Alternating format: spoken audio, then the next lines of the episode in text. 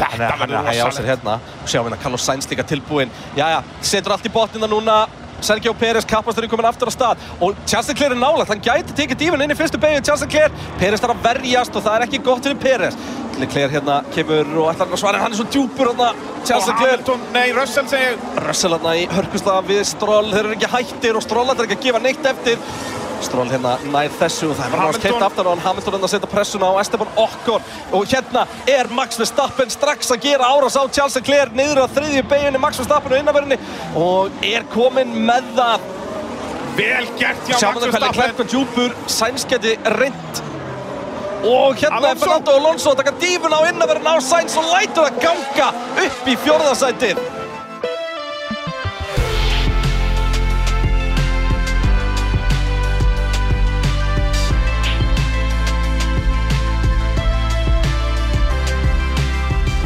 Jú, pitturinn hilsar Góðan daginn, bræði minn. Já, það er, ég svaf vel í, í nótt. Við erum að taka þetta upp á, á mánudegi, ekki þriðudegi Ég sem við ætlum ekki að fara að venja okkur ástætt Nei, alls ekki, þetta er bara Að Þá þurftum við að nýta tíma kreinarsins í, í, í pittupptöku. Svolítið hannig En uh, það var ekki erfitt að sopna, þetta var ekki mikið spennufall eftir, eftir að hafa lísta sem kappæstir, það er rátt að segja það. Um, Nei, ég var ekki Ég var ekki sko, að kljúfa atóm upp í rúmi í gerkvöldi eitthvað að reyna að átta mig á þessu sko. Nei, það var svolítið þannig að, að eins og ég segi, ég svaf bara alveg eins og nýriðin kettlingur sko, þannig að uh, brallin er góður, Já. þannig er staðan Merkist dagur í dag. Já, heldur betur, uh, tölum kannski betur um það á eftir uh, Því að það er merkistagur, við erum að taka þetta upp hérna mánudaginn 1. mæ sko, sem er stór dagur í, í, í formúlunni. Formúlu sögunni Í formúlu Ekki- sögunni, sko. Ekki einn af þeim bestu. Nei, uh, einn svartasti dagurinn, það er- rót að segja það. Uh, En uh, klippan sem við heyrum hér í byrjun þáttar Við erum nú alltaf með klippur í byrjun þáttar að Nú erum við orðnir að goddamn TikTok stars. E, Já. Það er rauninkarinnar Hvaða klippi heyrðu við byrjun? uh, Enduræsinguna Já, og tókst hana bara af TikTok? Ég tók hana bara af TikTok eða réttar að satt byrjaði að taka hana bara upp og, og hafa hana tilbúin í þáttinn og svo gerði ég TikTok um það sko. ah, Það er eins og ég segi, brallin ég er líka byrjar í danskenslu Já. Þannig að ég get farið að gera að TikTok dans. Já, já, þannig að ég get farið í, TikTok uh, dansan alla sko. Þetta er gaman, við erum bara að fá geggjum viðbröð Það er búið að segja þetta við okkur lengi. Og Já. við náttúrulega erum alltaf með GoPro og keppnum og okkur svona dót Og náttúrulega munurinn kannski á TikTokin er að þú veist Abu Dhabi 21, lokarhingurinn. Hann átti svo sannlega heima bara á fréttaveitum og, ýmislegt, þú finnur hann bara á fréttablaðinu og, Nei, Ekki lengur, Ekki lengur. hérna, allavega, þú veist, þú finnur hann bara á fréttamilum og okkur svona dót En um, Þetta svona, þarna getum við verið að leika okkur meira með svona raw footage En það sem Já, já. langar svolítið að gera, það sem okkur vantar Er að okkur vantar einhvern sniðugan snappara mm. Sem að eh, langar kannski að join okkur sko að gera, þú veist, klippur úr þáttunum Já, og einhver, ef ykkur getur verið í animation líka Já, það bara, rosalegt. eða bara hérna, þú veist, ég man alltaf eftir því þegar Bjarni Ben gerir klippu þarna sem hann deildi bara á Facebook, heldur hann ekki farið Já. leika Svo við vorum að tala um hann og setti bara svona ljósmyndir af þeim sem Já, var að tala bara alltaf. þannig að sé kontekst Þannig að ef einhver er, Já. hérna, er ekstra sterkur á velli í Já. þessu þá með að hafa sambandið okkur. Við, við, svona, já, við erum með ákveðið teimi í kringum okkur. Við hefum oft minnst á okkar allar besta kvataling sem var að lappa hérna út. Já, veist, við, Já, það er Bergerinn, við minnum hann í á hverjum þettir okkar allar besti Bjarni Ben veist, Bergerinn, fórst að sjá Bergerinn síðast á fyrstu dag uh, Nei, Sem- ég fór ekki. Það er svolítið, skellur maður. Ég var heima með börnina meðan að- meðan að Vala fór. Já, þú sendir konuna að sjá Bergerinn. Sjá Og Bergerinn. var hún eins og ég, að fór bara á slæðinu tíu? Já, og var bara í svona ból sem að stóð eitthvað I love uh, B sem, eitthvað sem að stendur alltaf fyrir burger. Já, ég var í ból sem stóð bara á fjórum svona aðeins aðeins svona, þú veist, variants af bergernum á bólnum Já, býttu þannig að hún var að bara reyna að svindla eitthvað. Ég var bara í Bergers ból ég, Það stóð bara með stórum stöðum I love the Big B I love the Big B Já, já, það er bara svo leið Og svo bara um leið og vökk var hægt að spila Að þá fór brall Mér finnst þess að mest random matchup sem ég ekkert var heyrt um Backstreet Boys og Vög Og vökk, já, þetta er svona maður hefði bara búist Ég við hefði að- ekki, sko, árið 99 hefði þessi bönd ekki geta collaboratað, sko. Nei, en mér finnst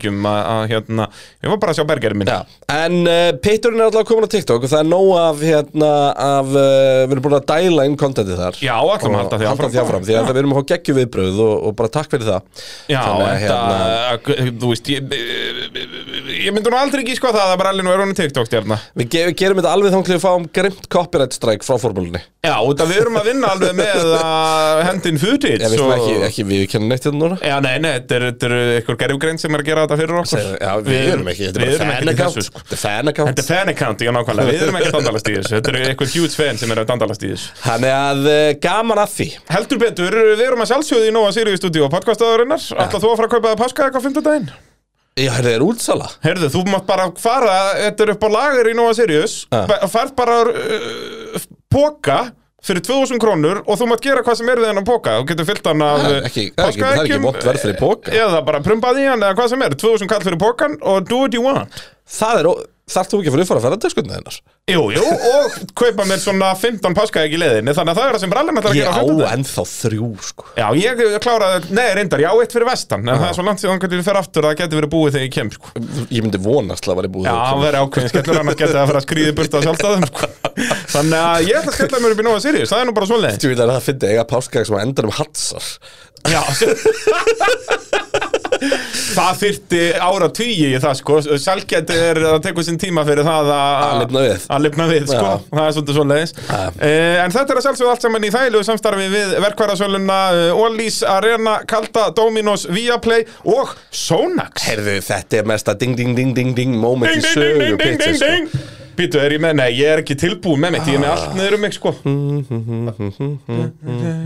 Tilbúin Herðu, og svo er bara Sonax eh, komið í leið á okkur Wow! Sko, þetta er mest viðeigandi spóns alltaf tíma. Sko, með, með fullri virðingu fyrir okkur öðrum styrtaræðilum að þetta er a match made in heaven. En það er blómali, því að við komist að Reyndar kaldi og bralli er djúvillig gott maður Ég verð að viðurkenna það, það Og er- Dominos og fer ekkert illa sko. Og að það Já, fyrir ekkert illa okkur það- þar Ok, og- e- ekki, ekki best Þetta er, þetta er allt djúvillig er gott góð samstarf Það er sko. svolítið svoleiðis. En En- ástæðan fyrir því að þetta er svo viðeigandi er að ég og Bræði, þegar við, lítum tilbaka þá eigum við ákveðin hluti sameiginlegt. Já. Og eitt af því er Það eru að- ekki margir þessir hlutir Þeir eru reynda fleiri og heldur En, en uh, eitt af því er að við erum báðir Íslandsmeistarar með Sónax sem titilsponsor Já, það er svolítið svoleiðis að Sonax hjálpaði okkur í motorsporti þegar að við vorum Ja. uh, ungir og fallegir Ja. Brallin hafði þykkt og fa- fallegt möllet á þessum Jep. tíma og uh, þá vorum við báðið mertið Sonax og urðum báðir Íslandsmeistarar. Já, verðum Og- báðir Íslandsmeistari í sikkur í motorsportinu að vinna með Sónax. Sónax bonsaði mig gegnum alla minn fyrir Já, allan kókarsferilinn og svo var Og- það líka á Formúlu 3 bílum Yes. sem eru störtlað sko. Og ég var hann Íslandsmeistari rally með þeim 2013 og síðan náttúrulega hafa þær orðið tvörfaldir heimsmeistarar í Formúlu 1 Já, já ég meina þú veist, ég, þú, Mika Hakkinen, við eigum þetta sammeðilegt Já, og, og síðan eru við náttúrulega kollegar í dag á Viaplay. Þeir voru, þeir voru líka Williams á tímubilegi maður eitt En það, Mér minnir að allavega Williamson Hakkinen- var með Sónax sko. Það geti verið. Þeir voru allavega sko hakkin en Unnu svolítið með þýskum, þýskum aukumölu líka Þetta sko er þýst brand. Eðal bónvörur Og svo náttúrulega sko ef við myndum fara að skoða Ég hugsa Sónax er það brand sem að væri oftast á flottum liveri Já, Sonax er eins og hérna, eins og DTM bílanir Já, Indikar hérna Ég held að það sé ennþá Eða þá tiltúlega nýhætt voru titilsponsor Indikar bíl Megasvalur. Já Þetta er bara, já, já, blessaða vertu Þetta er, þetta er eitt af svona bröndunum í mótsporti Já, sem er bara, þú veist, ef ég er að fara að bú, ef ég er bara að fara í Gran Turismo og búa með til bíl þá er þetta svona brand sem ég er alltaf að fara að negla bíl. Ég segi það, bara negla Sonax-logoðu Þetta er bara, þetta er clean, þetta er geggjað og geggjaðar bónvörur, það er bara svo leiðis Já, elsku Sonax og bara velkomin í hópin Já, erum við þá að fara að henda í TikToks af okkur eitthvað bera ofan að bóna bílan okkar? Ég hefði bara búin okkur annan Ég er nú meðal skalla sem geti þetta skalla smá bóna Við fyrir endur að prófa það. Við þurfum að bóna mér skallan Það er Má ég næstu, sjá? næstu pittur í minn Sko, ég, ég, ég það að þurft að massana eins núna, það Já, hlýtur að vera sko, til eitthvað þannig. Ég er að fara, já heyrðu, þeir eru með kera með kúðun og allan pakkan sko, það er engar ágjör að Sonax Það er nú bara, þetta er allt frá bara, bara fötum fyrir sábuna þína eh, Það er að segja ekki fötum til að klæða því, heldur fötum til að geima sér Það getur líka vel verið, já það er þetta að fá sér bón hanska og allan pakkan, það er allt til hjá Sonax Þannig að, eh, hvetjum ykkur hlustendur að eh, kíkja á Sonax og þetta er náttúrulega bara bón Íslendinga, það hafa allir nota Sonax eh, einhvern tímann á listiðin, það er bara svoleiðis. Það, ef, það er held ég ekki til sá skúr sem er ekki allavega ein dolla í sko. Ég segi það, þannig að staðan. Uh, Og síðan sko við erum alltaf með eitthvað svona segment í kringu hvert spons. Og við vorum að brainstorma hvað við getum gert með Sonax? Og ég er að pæli að hafa þetta staðreind helgarinnar Hvernig líst þér á það? Bara dippa inn í motorsport heritage sem að Solex er með Ég segi það sko, með uh, svona, já, huggulegri staðreind frá hverri kappastu selgi Já. og, jú, ef það var ekki kappastu um helgina, þá bara einhver önnur staðreind Og ætlar að byrja á því bara núna? Já, mín staðreind núna finnst mér nefnilega djöðlega mögnuð Ok. Því að Charles Leclerc var á ráspólum helgina Já. Þetta var hans uh, áttundi ráspól í röð þar sem húnum tekst ekki að vinna af ráspól Já, hann er auðvitað rosa ánægð með þessa staðrind Já, það ekki? Jú. Og hann er núna að fara að nálgast metið Sko, Nelson Piquet á metið sem eru tíu í röð sem ég gerir ráð fyrir að hafa verið þarna svona 82, 83, 84 þegar hann var með BMF-vél aftan í bílnum. Var með störlaða tímatökumótor sem Já. sprakk svo alltaf. Já, bara þetta var 1100 hestöfli tímatökum. 1400 Já, 1400 hestöfli tímatökum Já. og svo komst hann svona solid 11 ringi í kemni áður en þetta sprakk, bara alltaf. Já. Þannig að hann var alltaf á ráspól en datt alltaf út. Þannig að Leclerc er að fara mögulega að bæta þetta með Já. Ég held að hann sé að fara að bæta þetta. Sérðu hann vinna á næstu tveimur ráspólum sem hann nær Ég sé það ekki gerast Þú veist, mögulega, því ég er ekki að sjá hvað hann ætlar að ná ráspól næst. Já, svo er það náttúrulega. Þú veist, ég held að sé ekkert að ná ráspól úr þessu fyrir bara En Monza. hvað? Já, er það ekki? Ferrari getur verið í Monsa að draumalandinu, sko. En það er náttúrulega-. Ekki kemni, ekki fræðilegur. Það er nú bara svo leiðis Heyrðu, það var að geta um legend að bætast í hópin Býtu Og það er alveg legend. Ok. Það er Valgi Pálsson. Vá, Það er Playmo-maðurinn vá Hann hefur hent sér legend bara til að heyra Naked Spa-söguna Já, það er sko, það var sturlu Ef þið hafið ekki hlustað á síðasta þátt Þessu uppbytununa fyrir Bakú inn á pitturum.is Ja. Sagan í byrjun af þeim þætti Gæti verið svo besta sem sögðu hefur verið í pittum Og það er Valli Playmo aðaladrið Hann er, hann er í, hann er í, uh, hann er í líkilhlutur Já, annað sem við hefum sammeðilegt hann var í servisi á okkur báðum uh, á okkur yngri árum Jep. í motorsporti Þannig að hann, hann stutt okkur mikið að Og Já, nákvæmlega, já, við vorum einu sinni saman í á honum manni Það var er Þannig að Playmo-maðurinn rétt eins og Sonax að hann bindur okkur saman Já, Þannig er staðan Heyrðu, ættum við að fara að tala um Formule 1 eða? hvernig verður það? Hvernig væri það? Eigum- Sko, eh, nei, Hvernig ætlar að brjóta upp? Heyrðu, ég ætla ekki að fara að tala um Formule 1 Það Ok. er búið að líða allt og stutta þessum þætti áður en við fyrir að tala um Formule 1 Ég ætla að fara að tala um uh, lög og, og skemmtilegheit Ok. Það er sem brellin ætlar að fara að gera. Því að uh, tókst eftir því, það er náttúrulega sprett keppnishelgin Verður alltaf að vera öðruvísi í útsendingunni. Já, já, já. Og sennilega versta breytingin var þetta nýja lag. Já, stefið. Já, það var svona stef undir sem var eitthvað Þetta var agalegt Þetta var, eða, þú veist, er, er það rétt hjá mér? og við fengum ekkert warning þannig að Nei, nei, ég var bara til bara eitthvað og það er komið það er sem Bæsjan Bakú hérna allt að fara í gang. Leiklega gera á pól og verðstappen nummer tvö. Þetta var bara þannig, þetta var agalegt. Það er röppu við ekki? Ég heyrðu nákvæmlega það eru 20 beigir í rice. 12 til hægri, 15 til babadidab. Nei, það er öfugt. Skiptir ekki máli. Skiptir ekki máli. Það veit það enginn. Það fólk er bara að væpa hér uh, dekkin á að tæta Hvenær ætlum við að henda í næsta single? Uh, þegar þú komið betri texta Já, nei, þú ert eftir að segja með þinn helminga texta nei, ég held ég bara sleppi. Nei, hvaða, hvaða? Þetta er, þetta er svolít dæmi. Svo verð ég að fá hann jóa minn til að semja viðlægið sko. Það en tókst eftir að Charles Leclerc er farin að herma eftir okkur. Já, já, en erum við að geta þeim influencers. Já, það er rétt. Það er nú bara eitthvað, Við ætlum út í tónlist og eitthvað. En sko, að mínum að þið þyrfti að breyta þessu þessari tónlist eitthvað Þannig að þetta væri meira sprett keppnalegt En og ná svona, ná svona þessum kompakt fyrir Ég segi það, þannig að þá sko datt mér þetta fyrst í hug. Þetta er bara formuleið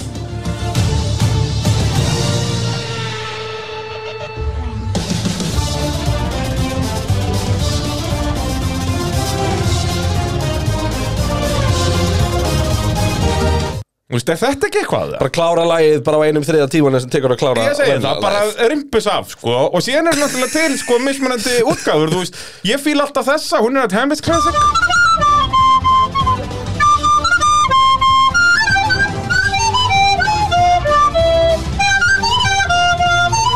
Þetta er bara, þetta er veistla Spáðu þess að því þetta, ef þetta hefur verið gert og við hefum fengið þú veist, þrefaldar hraða á lagið. Já. við hefum byrjað útsendinguna verðum svolítið Já. að Brian Kristján sett hérna í stúdíu og við play, stressað. það er komið að Bakú hérna er brautin, hérna árið 20 kemnir 23 lönd, 23, nei, ég meina kemnir, nei. Já, og við erum komin að stað. Það er alltaf að gerast hérna og þetta er búið.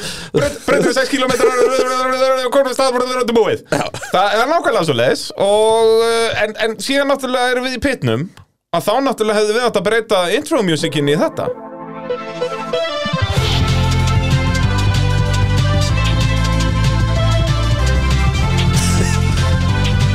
Þetta er alvöru bara reif-músík Þetta er rosalegt.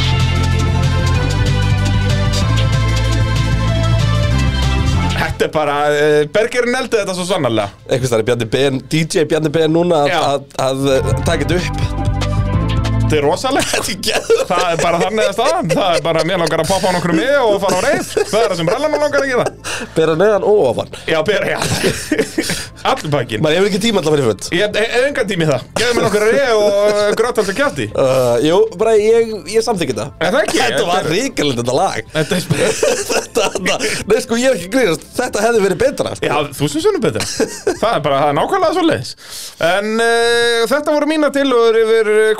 að gera þetta lag betra Því eitt er víst að þetta lag uh, var agalegt. Já, ég man ekki hvað það var, það var bara ríkalind Já, nákvæmlega. Þetta var eitthvað svona, ég beið bara eftir að kemja eitthvað svona Studiobeats.com Eitthvað svona sem að að kaupa þetta eitthvað ylsingu Kæmi svona yfir. Uh. Formúlun á engan uh, penning fyrir ykkur copyright kæftaði Nei, ég er búin að bara láta búið til lag. Það er bara nákvæmlega svo leiðis. Heyrðu, spurðu pittinir í bóði Dominos. Við Yep. ætlum að fara að skella okkur í að að krifja þessa keppni. Já, 40% afslutum með kóðanum Pitturinn. Nákvæmlega, sko, það er, það er eintóm hamingi alla daga hjá Dominos, það er ekki flóknar en það uh, og uh, hveti alla til að uh, skella sér í aðal Dominos í kvöld eða ef þú ert að hlusta á þetta þriðudegi, þá náttúrulega þriðudagstilbúð allir laurandi léttir. Heldur betur Þannig að við kortum ekki við því. Uh, byrjum á mínum allra besta Sæmundi Bjarna. Uh, hann spyr, eða kemur með pælingu, sprettaður á föstudegi, tímatökur á laugardegi og keppni á sunnudegi. Er það galið? Sko þá náttúrulega erum við, þú veist, ég málið því ég alveg að hugsta það, En föstudagurinn er náttúrulega ekki áhorfstæður Nei, þú veist, það er að meira- ræða þess þetta format? Já, byr, byrjum aðeins á því, bara svona in general. Hvað Áður en við fáum ykkur spurningar, ég veit að vera fullt af spurningum um það. Nei, Ég ég er ekki ekki- svona beint um þetta, þú veist, að klárum þetta allavega núna? Ég er ekki fann Ok, fannst þér þetta verra en venjulegt format eða? Já, Og verra heldur en gamla sprettkeppnaformatið? einhvern veginn fannst mér það, já. Í alvöru? Já. Þú veist, auðvitað fengum við Ég leiðilega fann keppni, svo sko. innilega fyrir því að það væri ekkert undir í kapastunum Í, í, Í sprettir í sprettkeppni Já. Já, Ég Er held, það- ég held að við verðum að fara í rýmiskreit Og ég held að já, ég er alveg Ég held sammála að um það. þessi keppni hefur verið það boring og það er það mikil umræða eftir hana að ég held að hún gæti actually hafa verið frábær in the long run í að íta fólki að hugsa um ok, þetta er ekki alveg að virka Já. um, Mér fannst allir lögadaginn skrítin Ég er pínu sammála bara Max Verstappen þegar kemur að þessu sko. Ég er ekki alveg jafn mikill pjúrist og hann allar að þykast þeirra um, En Mér fannst Ok, sem er reyndar ógstlega mikið Baku dæmi og kannski er maður bara að hugsa þegar hvernig er Baku? Það eru spennandi fyrstu fjóru hringarnir svo er alltaf rólið þá náttúrulega gerist eitthvað. Um helgina því miður gerist ekki neitt. En síðust ár hefur alltaf verið þannig og svo fáum við eitthvað allir á mjúkundekkjum í einhverju rugli í endan, skilur við Jep. um, Þannig að kannski á ekkert inn á óvart að leiðilegasti tími keppnar er eftir hring 5 að hring 20, sko. Jep. Já, þú veist, mér fannst þetta alls ekki leiðilegt. Þú veist, og auðvitað var þetta leiðilegt bara út af keppnum Það voru ekki skemmtilegar Mér fannst bara helgin ekki virka en ég er sko sammála þetta Þessar tvær tímatökur, þetta meikar engan sens Nei. Ég er ekki fann af því Það Nei. er bara eitthvað, þetta er bara skrítið Ég hafði þess að gaman að senda tímatökunum, sko Já, en, og þú veist, en það var þetta er bara eitthvað út skemmtilega í fyrir þetta- okkur út af Já. við, bara, við þurfum að horfa á all session hvað sem er Það var fínt að þetta tímatöku fyrir Já. næfingu en, en ég held að svona venjulegi áhorfandin er Mér ekkert fannst mega fyrstu þess peppaður tímataka að missa svo mikið vægi Já, Þú veist, sem að er að mörguleitu upp á tímabótar helgarinu hjá mér. Og líka, þú veist, þetta er alltaf bara, heyrðu, við vorum að gera þetta nákvæmlega sami gær, af hverju ætti eitthvað að breytast? Já, og veist- það er engin breyting. Það er ekkert búið að breytast í millitíðinni, skilur að, að, Þannig að tvær Nefn að Landon Norris er á rekt ekki með lokalutunum Já, úf, tölum það á eftir, það er al- alvöru veistla En hérna Þannig að ég er Og þú veist, og ég fyrir ekki það allir misalega, þú veist, ekki spáið þessu dekka klúri og eitthvað svona dót því að það er bara, það er alveg eðlilegt að þegar þetta er gert í flýti eins og er gert núna, það séu einhverju smáatriði sem að eru, þú veist, er ekki hugsað til og að það þurfa að breyðast við þeim eftir á, Og auðvitað eru liðin mætt líka Já, og búin að Landon finna Norris allar loopholes. startaði max einum aftar heldur en hann hefði gert Já, já. skilur þú veist. En, að ég veit ekki, mér fannst þetta bara á hildina Ég er bara ekki fann En fyrst er eh, gamla sprintformati betra. Ég sko Það er erfitt að segja út af því að þar fengum við svo oft skemmtilega keppnir. Og síðasti sprett síðasti sprett sem við horfum á var alltaf Brasili í fyrra sem var lang besta keppniselgin í fyrra. Já, þú veist, bara svona frá, frá hlutlausu hérna, áhugamannasjónum mm -hmm. því að þú veist það bara Hvað er einasta sessjón og geggja Tímatökurna með rigningun og bullin og Magnússon og Pól. Já, já. En þú veist, það er náttúrulega ekki, þú veist, við erum að reyna að metta formöttin, skiluru. Já, mér fannst laugardagurinn off og ég velti því það bara hreinlega fyrir mér hvort að tímatökurnar ættu frekar bara að færast yfir sunnudagsmorgun, bara all tímatökurnar og þetta væri bara tveir separate dagar. Já.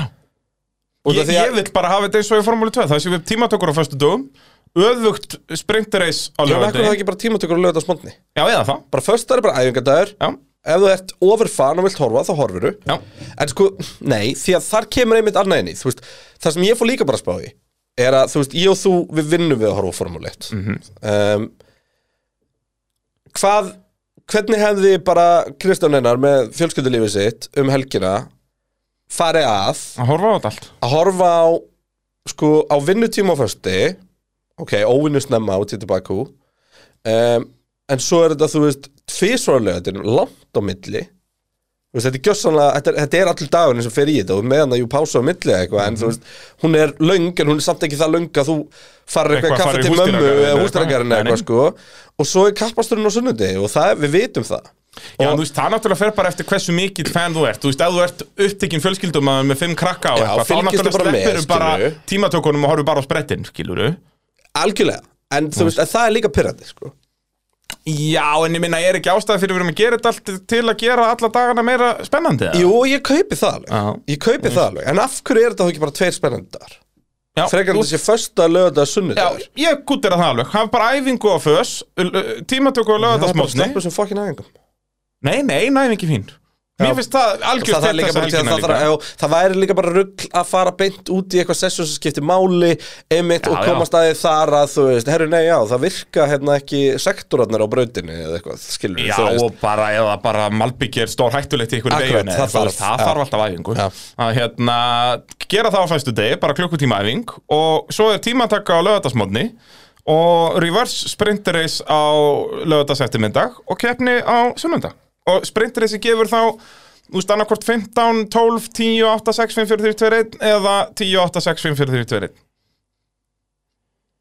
Þú veist, minnst 8, 7, 6 ekki nógu gott út að þá er líka græður svo lítið að vinna upp um eitt að, sko. já, þú veist, ef út í heimsvistaraslagnum eins og hann er um þessa myndir þú veist, jú, það hefði haft áhrif 21 en þú veist, það gerist á 10 ára fresti, sko Já, þú veist, það þarf að vera meira en eitt stig sem þú græðir við að taka fram úr einhverjum, sko. Þannig að- mér finnst ætti að vera þannig. og líka bara, þú veist, það er ekkert í þessu fyrir minni spámen Nei, nei, en þá, mitt, ef þetta verið reverse grid, ef Sargent var að ræsa af ráspól, það væri rosalega incentive fyrir hann að reyna að hanga á áttundasættinu, skiluru. Já, Og, og þú veist, þetta væri líka svo erfitt fyrir Max Verstappen að ná upp í fyrsta og það, jú, jú, hann geti farið í gegnum allan fíldin, en fyrstu ökumenn sem það þarf að taka fram úr er Leclerc og Hamilton og Peres. Þú veist, þetta er það fucking veistla, við erum búin að tala um þetta núna endalaust. já, og ég minna að við erum sammála því en, en ég veit ekki, mér fannst eitthvað off við þetta, kannski er það bara út af því að maður er vanur hinnu, þú veist, og ég ætla ekki að vera görinn sem ætlar að koma inn og segja bara, nei, þetta er umulegt, þú veist, hendum þessu, við viljum prófa þetta svona, hugsa ég allavega tvisvar yfirbúð Já, já. áður en að vera gerð einhver rótækbreyting manstu hvað næsti sprettur Svo við myndust á immóli ég er, þetta, er þetta ekki sex keppnir í ára? Jú, er það ekki bara einmálar hinnlega? Uh, 2023 En F1 já, meðan þú googlar það, þá er Races. ég, ég að skoða hérna í Formúlu 2 að þá eru 10, 8, 6, 5, 4, 3, 2, 1 fyrir sprettkeppnina. Og mér er það bara svo lit. 10 steg fyrir sprettin, 25 fyrir alvöru keppnina. Við erum næst í Östuríki Já, ok. Svo Spa, Katar, Bandaríkin og uh, Brasilia Já. Uh, Bandaríkin þá... Texas. Texas, já. Uh, all right, þá þau þurfa að býða alveg til bara 1. júli eða eitthvað hérna fyrir næsta sprett. Anna, uh, Já, hann er fyrsta júli Já, er ég manna á þetta að ég er að fara í brúðköp þannig dag. uh, Það er svoleiðis, uh, reyðimaðurinn er að fara að gifta sig, grjótharður. Já, ekkert Það gott er, það er ekkert eðlilega hugulegt. En Hérna, En þetta er svona okkar teika á þessu formati. já, fannst þetta ekki eitthvað skrítið? Jú, þú veist, stærsta sem ég fannst skrítið eru tvær tímatökur. Mér það ekki virka.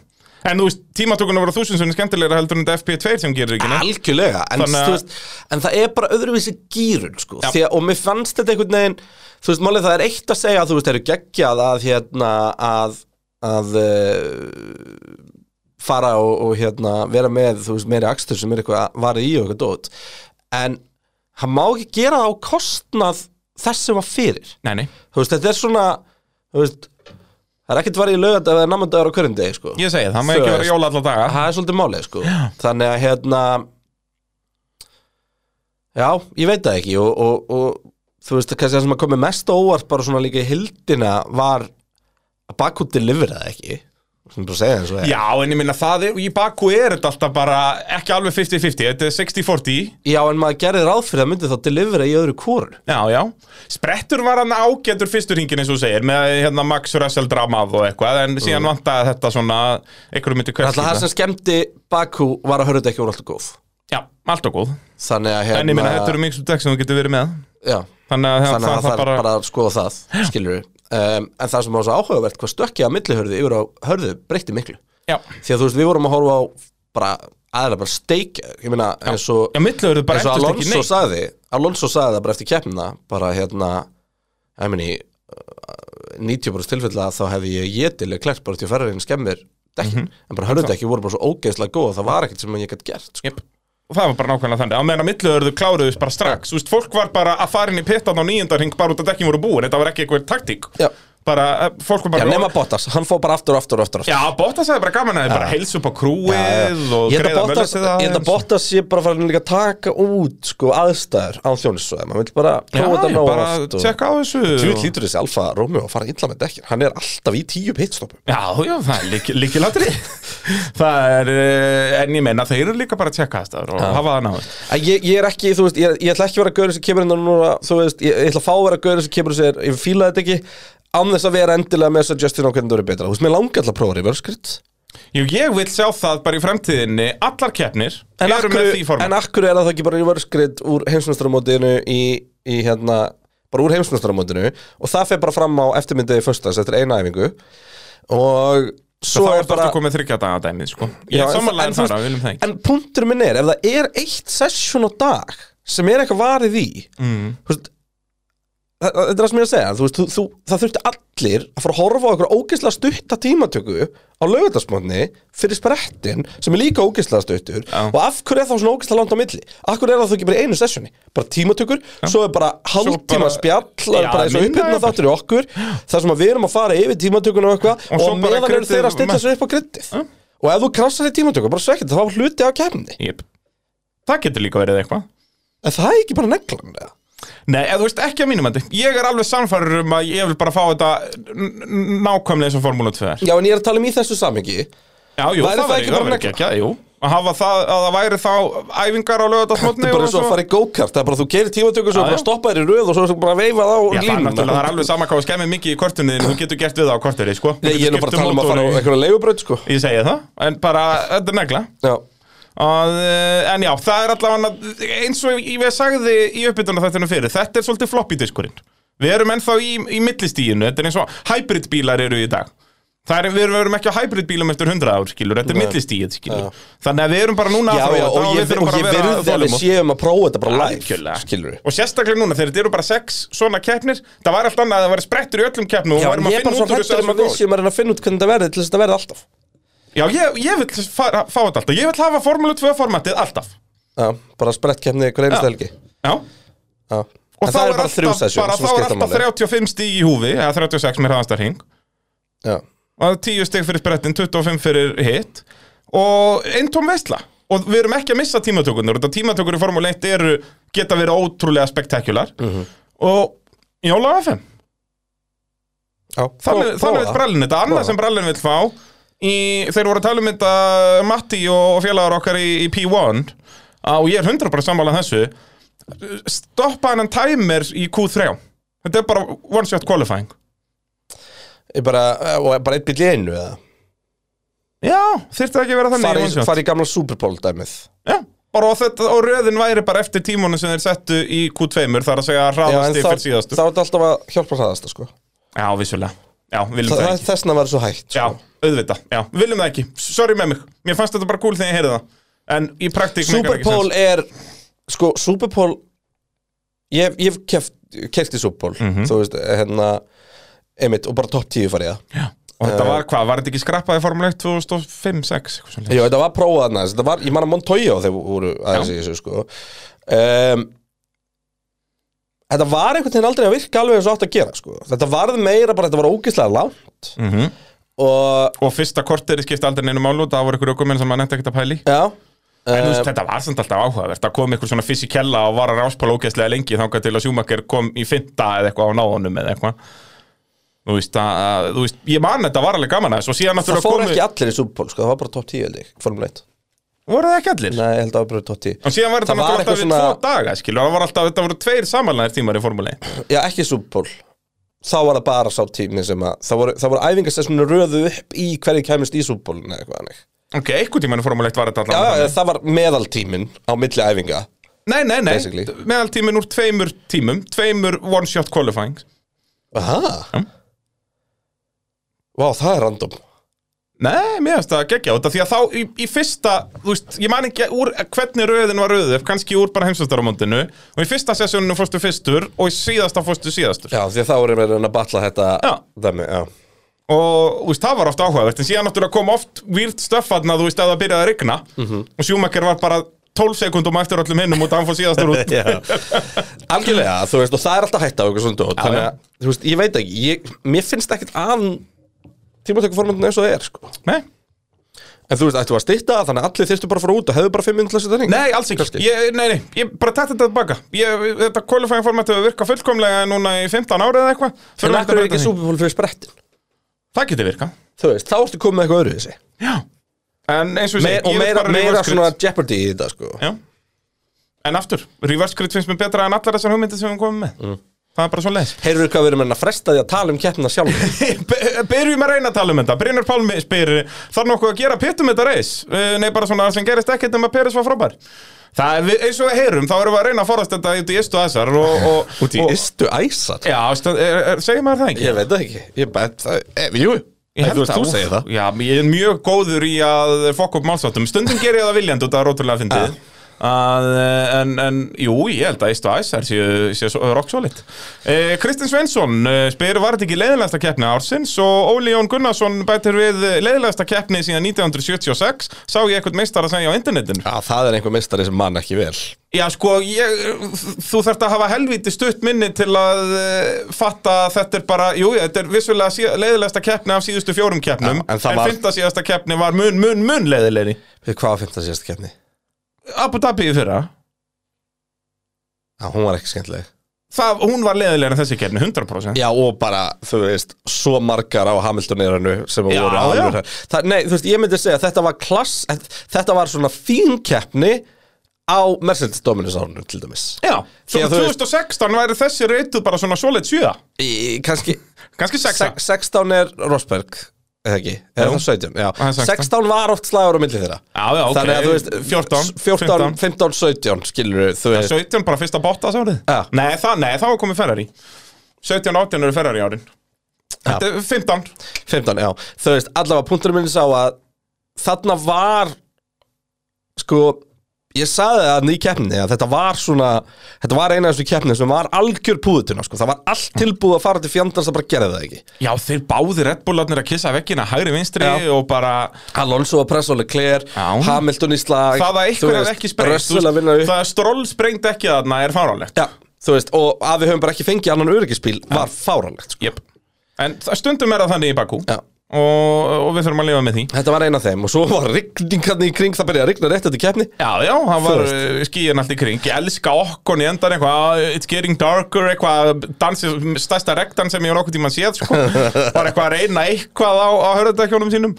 En hérna En já, þetta er alveg bara uh, Þú veist, þetta var, þetta var ekki frulegt en, en það er líka bara hluta af þessu Þú veist, það verða stundulega ok. keppnir og, og hérna, ég eh, sá nú eitt heldur gott sem að minnst á, sko, það er enginn að öskra á það að mörkin verið stækkuð eftir hvernig einasta 0-0 leik, sko Nei og þetta er bara hluta af þessu, þetta er íþrótt og, og Já, hérna þú veist, e- ef það kom ekki leðilega keppnir þá hættum við að vita hvað skemmtilega keppnir Akkurat, eru sko. akkurat. Veist, Það er bara, að- þetta En verður að vera svona ég held að ástæðan fyrir þessi var ekstra sár í okkar augum er að hún hafði alla burði til að vera einhver vistla Já. þú veist, við vorum með spretthelgi vorum í Baku, Í Bakú, það var hóta rigningu Já, já. þú veist, verstapen þú veist, við erum með Ferrari og Pól í á braut sem við átt að vera Red Bull braut, skilur, ef ég hefði sagt þér þetta allt saman fyrir helgi, þú hefur bara, bara holy fuck ég þarf að horfa á þessu kemni, Já, þú veist. Já, já en, en þú veist, við vitum líka að, að Baku er annarkurt drefleðileg eða ókænslega skemmtileg. Já, hann hefur ekki bara verið einn dreifleðileg fram að þessu? Nei, tvær, þannig að það var að 16 og Þegar það var 18 fyrsta, svo kom einhver kaos og svo var leiðilega ára eftir þetta allir vant sig og svo þetta bara, bara gott sér Já, Já, já. Ok, var þannig að hún var due for a bad one, skilur við Algjörlega, þú veist að þetta var alltaf bara rockeraði milli, það var góð slæm, góð slæm, góð slæm. Og uh, nú bara kom slæma. Því að þú veist, ég hef meira ágjur af- Miami í þessu samingi, sko. Já, verður áhugað hvernig þetta þróast um næstu Já. helgi Það er bara svona leis uh, Jón Brynjar uh, spyr eðilega það ekki með keppnina svolítið eftir að þeir ákvaða að stytta DRS-kablan uh, gerðu þetta í bara einu og það hjálpaði ekki þannig þurfa þeir ekki bara að hætta þessu bulli og hafa DRS-kablana bara eins og þeir voru og hætta að stytta það. Þetta er náttúrulega bara svo flókið því að þú ert annars vegar með helmingin af áhörendum að öskra á það að það þurfi ekki DRS formuleitt og DRS framrækstu leðilegir en svo er DRS kafli minkaðar og þá sitjum við í súpunum og bara að, það fór bara ekki fram úr. Verstappen, þegar hann tekur framúlega kler hann er 30 km á klukkustund hraðar Já, og síðan ertu með hérna uh, Mercedesin að reyna að fara fram úr stról minni mig Já. og það er bara valla hraðminur Já. og ég held að þetta sé meira þarna spurningum sko þú veist náttúrulega Baku er svolítið merkileg með það að gera þú ert komin á 330 km hraða, þú ert komin í nánast útslátt þegar þú opnar afturvængin sko. Já, þú ert komin í aerodynamic útslátt þú kemst ekki þú hraðar. kemst ekki hraðar, það er bara það mikið. Svo opnast afturvængurinn, en bílinn er gýraður fyrir það, Algjörlega. skilurðu. þannig að En þú það veist, er svo verður- lítið grætt einhvern veginn. Og svo ofan á það eru þeir að nota minnsta afturvængin þannig að Mhm. þú veist, munurinn á opnum og lokuðum væng er minni, það að vera í kjölsogi er Minna. minna verðmæti, það er ennþá hellingsverðmæti en það er minna. Og ég veit það ekki, þú veist, þetta, þetta var það var örgulega auðveldar að fara fram úr í Baku á síðust kynslu bíla en bara í Baku, Já, skilur Já, en þú veist, verðum við ekki líka að spyrja okkur að því að þú veist, á það bara að vera automatist að þú kemst sekundu fyrir aftan næsta bíl og Já, eigir bara að taka fram. úr Nei. Þú veist, það auðvitað á það ekki að vera þannig Nei, skilurðu. en mér fannst DRS-kablin þannig næstu í óþarfi sko. Já, Þú veist, það líka hefði mátt sleppa honum, Já, hann sko. var orðin það pinkulítill, en, sko en síðan að mínu mati ég veit ekki hvað það er sem Red Bull er að gera og gerir það að verkum að afturvængurinn þeirra þegar hann opnast þá er bara bústi miklu, miklu meira. Miklu meira. Og, Þeir kalla þetta triple DS, uh, D- D- D- DRS og að mínu mati þá þarf annarkvort að fara að koma skilningur hjá öllum hvað það er sem Red Bull gerir eða þá það þarf einhvern veginn að taka fyrir það sko. því að þú veist Það mér hinn hliðin hljóta að pikka þetta upp, anskotin hafi það. Ég finnst það ekki orðið svolítið seint Þetta var líki fyrra. Ég ekki svona stert Jú. Að það? Já, manstu hvernig hann sveif Já, fram úr í fyrra? vissulega á spá öllum sem brutum hann. Þú veist Því að punkturinn minn er ekki endla sá þú veist, Mér finnst þú veist, Ég vil sjá Max Verstappen þurfa að hafa fyrir að fara fram úr Því hann fucking getur það sko. Já, ég segi það, það var mjög skemmtilegt sjónvarsefni í staðin fyrir hann er búin að taka fram úr fyrir DRS-kabla Já, og bara þú veist Bældu bara í að bara vera pínu brasa frá fram úr Þú veist, það hefur bara verið með hörku eins og hann var að reyna með Russell og allt þetta Já. skilur eins og við tölum um á eftir. Þannig að, uh, jú, þetta stytta þá eða ekki ég er svolítið saman að þér Kristján að út að þetta er 50-50 sem er vilja sleppa þessu alveg og Já, vilja en lengja eitthvað í þetta og- Bakú þá bara þetta var eitthvað skrítin kapli. Já, en þú veist, En- en er náttúrulega vel skrítin braut. Já, og það tengist því að þeir eru bara búin að vera allt og lengi í botni Þannig að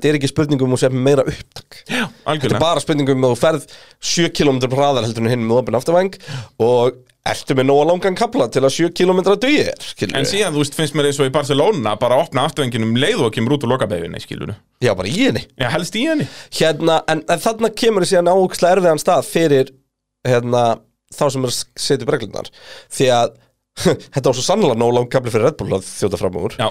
en Og ekki fyrir neitt skilur og hvað hefur við sagt ef að þú veist, ef að Peres hefði bara farið fram úr Leclerc og verið bara komið átta billingdir inn í fyrstu beigju Já. að það var munurinn skilur. Ég það. þannig að ef hann ekkert opna afturvængin hann um, var, er það ekki bara rétt munurinn það var bara þarna cirka það sem að DRS punkturinn var núna Já. DRS punkturinn var alltaf í hliknum bara í miðjum, það var bara milli beigjan að tvekja Já. og, og þú opnaði bara þarna Þetta var fært um komin 100 svona- metra Eh, voru þetta bara 100 metrar Já, skilst það Vá, þetta virkuði svo 300 metrar á mig sko. Já, þessi kapli er náttúrulega, hann er svo dásamlegur, sko Hvað hann er langur Þegar við vorum að hlæja í, sko, hérna eins og í tímatökunum það er svo gott hérna þegar getur séð það í sko, TikTok-klippinni að maður er komin upp í svona sérst, úr sprett tímatökunum.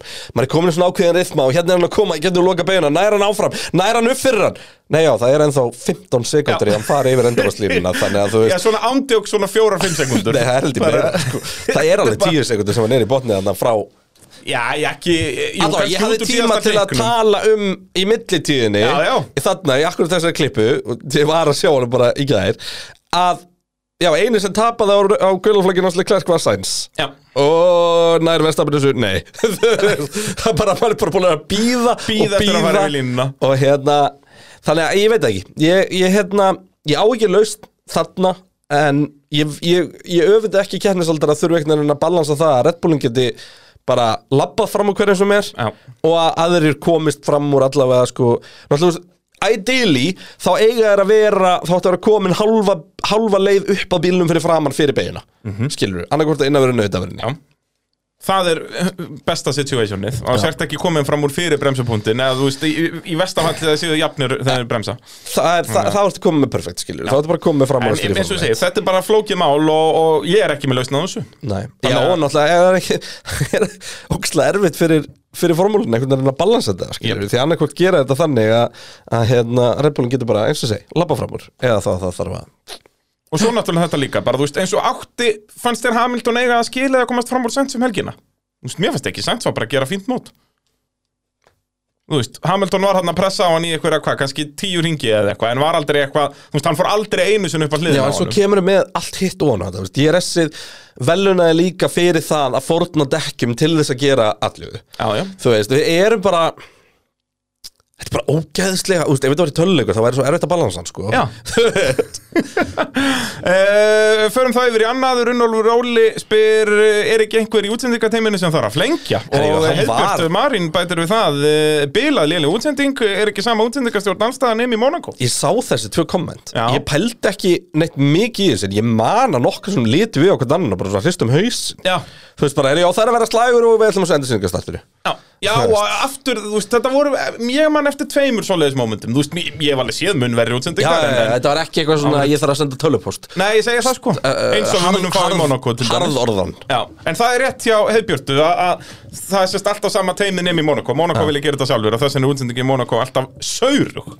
alltaf því að þetta er fólk sem gerir þetta einu svona ári en ekki 23 sinum ári Uh, við erum að sjálfsögðu í þægilegu samstarfi við verkvarðasöluna, okkar allra besta fólk uh, og hægt er að skoða allar vörur og, og endalust á tilbúðum. Það er alltaf tilbúð inn á heimasíðunni hjá þeim waffs.is Já. og svo náttúrulega bara dásanlega þeir eru með vestlandir uh, út um allt á höfuborgarsvæðinu og um land allt þannig að um að gera kík í verslun og þú veist, það tekið að vora maður þarf að fara að skoða verkværi Það er ekki flókið mál.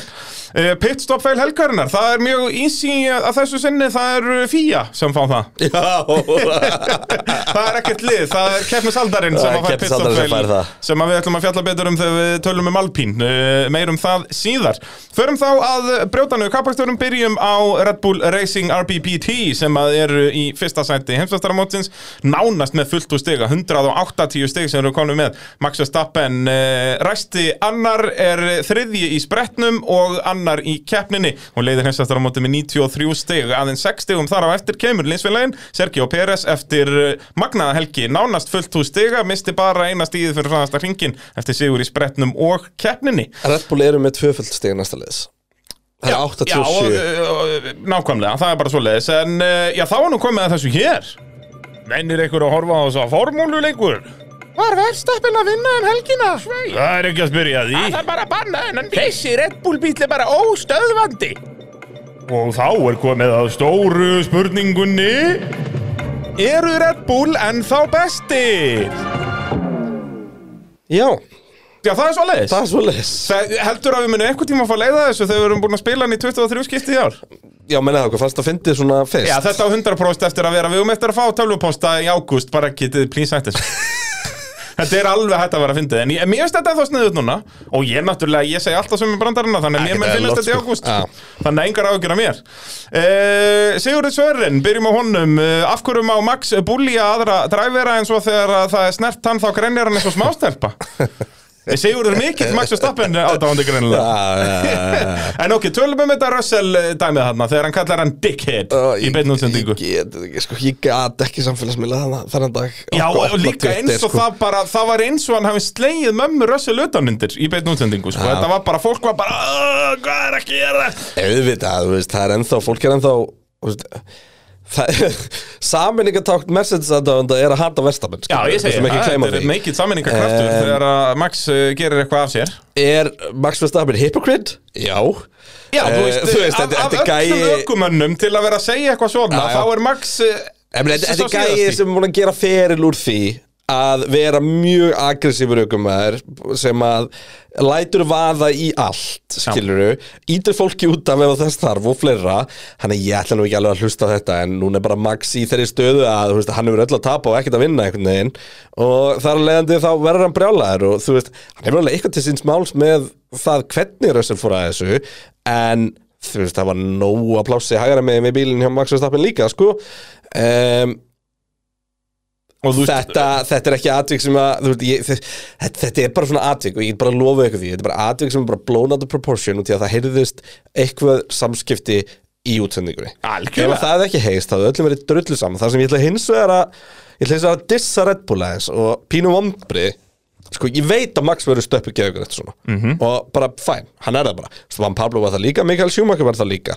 Uh, Lewis Hamilton, hann er það líka þegar að, þú veist, hún er fyrst brotið á sér. Um, bara allir þessi toppökumenn auðvitað. Og ég meina þú veist, bara brallarinn þegar svína árum umfyrinni Ég segi það.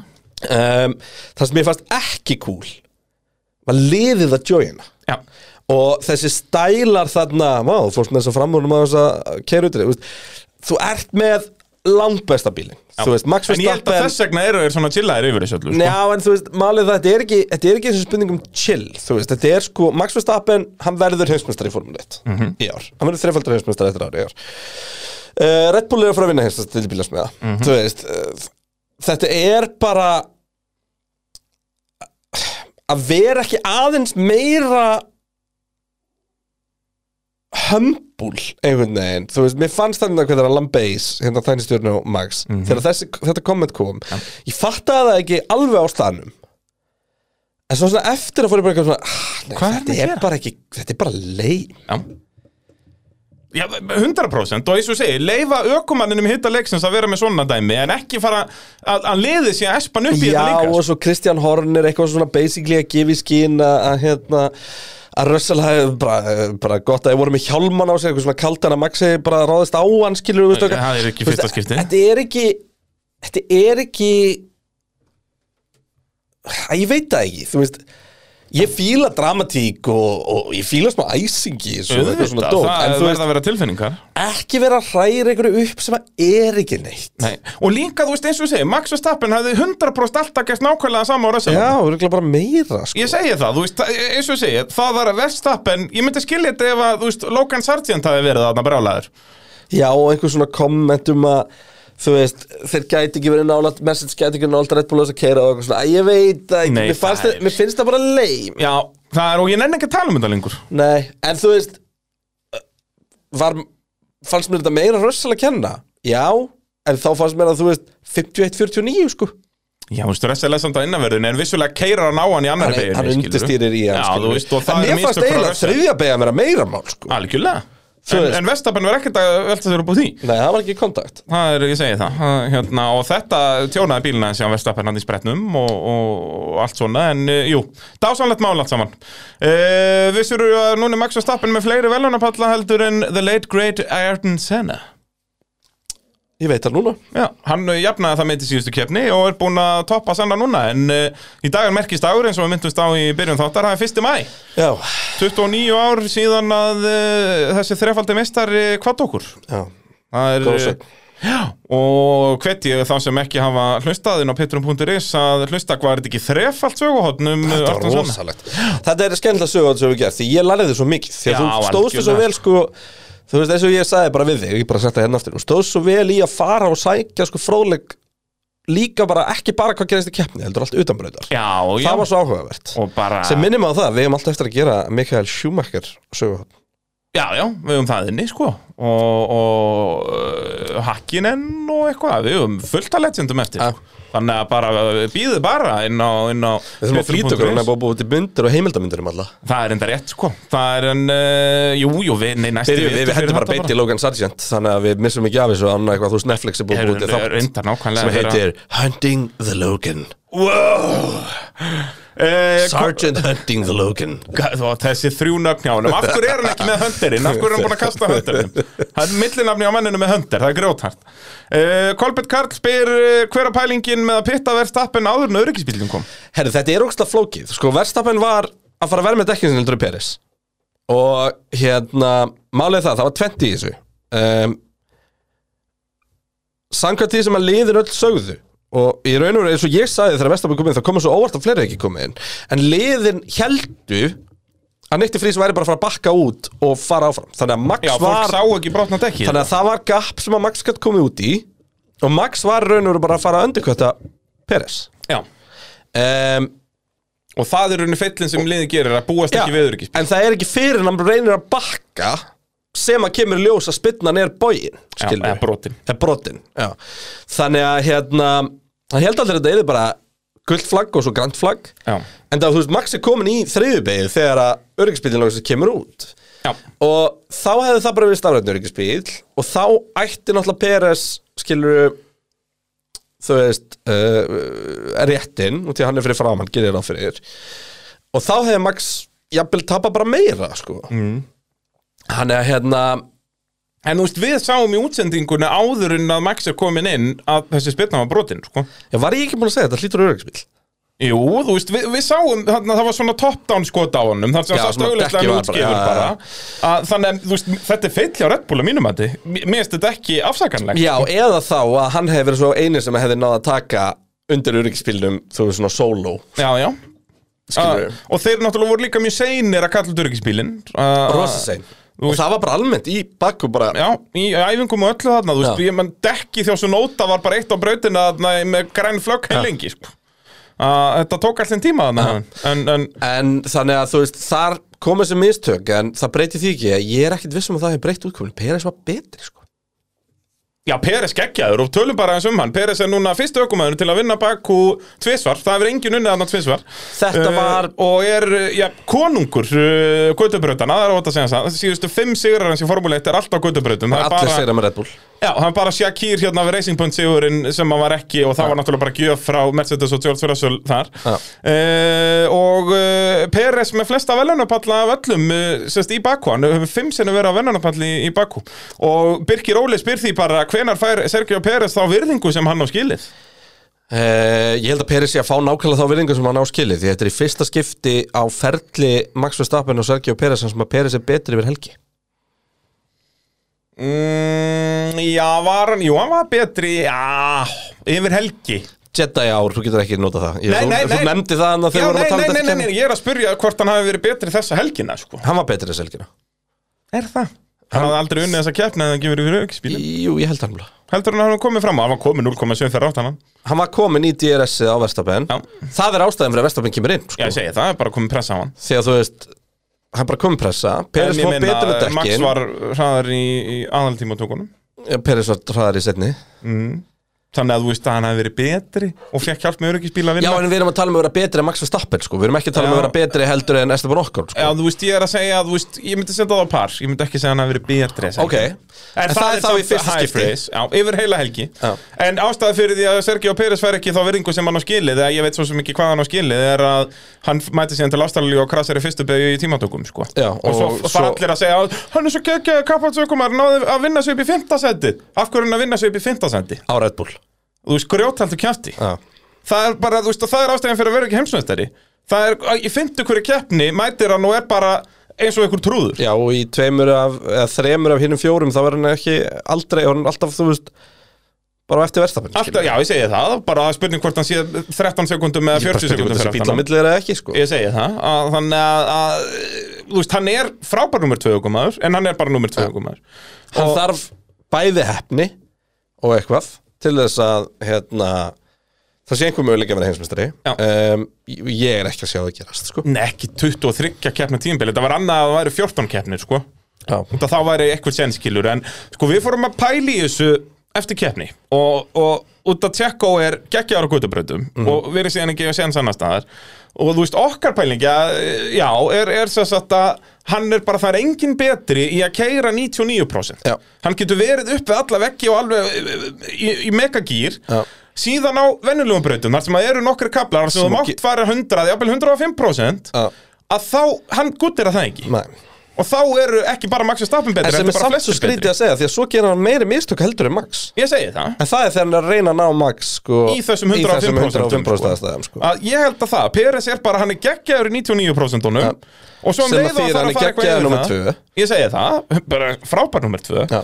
Og, en síðan þú veist, mér erst bara besta mýmið að eins og var, þá tekið svona mynd af Horner að tala við Peres og skrifa undir Horner ok Peres, ímyndaðu núna bara að það eru veggir í kringum alla brautina bara þó að setja í Texas Hérna- þá, þá hann vinna allar keppnir ef hann bara ímynda sér að þessu veggir En þú veist, ef þú pælar hans í því, Til þess að við hugsaum bara um ráspóluna sem að tjekka Peris útíkið mm. -hmm. Hvaða ráspól á hann? Hann á Jetta og þetta var hann ekki báðar Var það ekki 21 og 22 Náðan ráspólnum í ár? Var það ekki eitthvað Max þurfti að fara aftur eitthvað? Nei, Max lendi í bilun Max lendi í drifbilunni hann í Q2 Já, öxullum brotnaði þarna Allavega, þú veist, ok, við, við tökum einhverja keppni þar sem að Max og hann voru að berjast um ráspól Já, Það sko, er- er... hvað á hann margar áspóla? Hann á tvo Hvað, einn var í Er þetta ekki bara Jetta 22 og 23? Á hann tvo ráspóla Já, Það er þá Jetta og Jetta já, var það ekki? Þannig að þú segir það, þú veist, tveir Jú, það er Jetta, Jetta. á þessum tíma uh, Hann var aldrei í slagnum 21 Aldrei. Nei, aldrei. Um, Hann nær ráspólnum hann í Jetta 22 og það er eini þá on-merit ráspólinn sem að hann á Já, skilur út að Max Dettur úr 23 Já. Og hvernig nær hann þeim ráspól? Hann nær honum með því að keira rólega.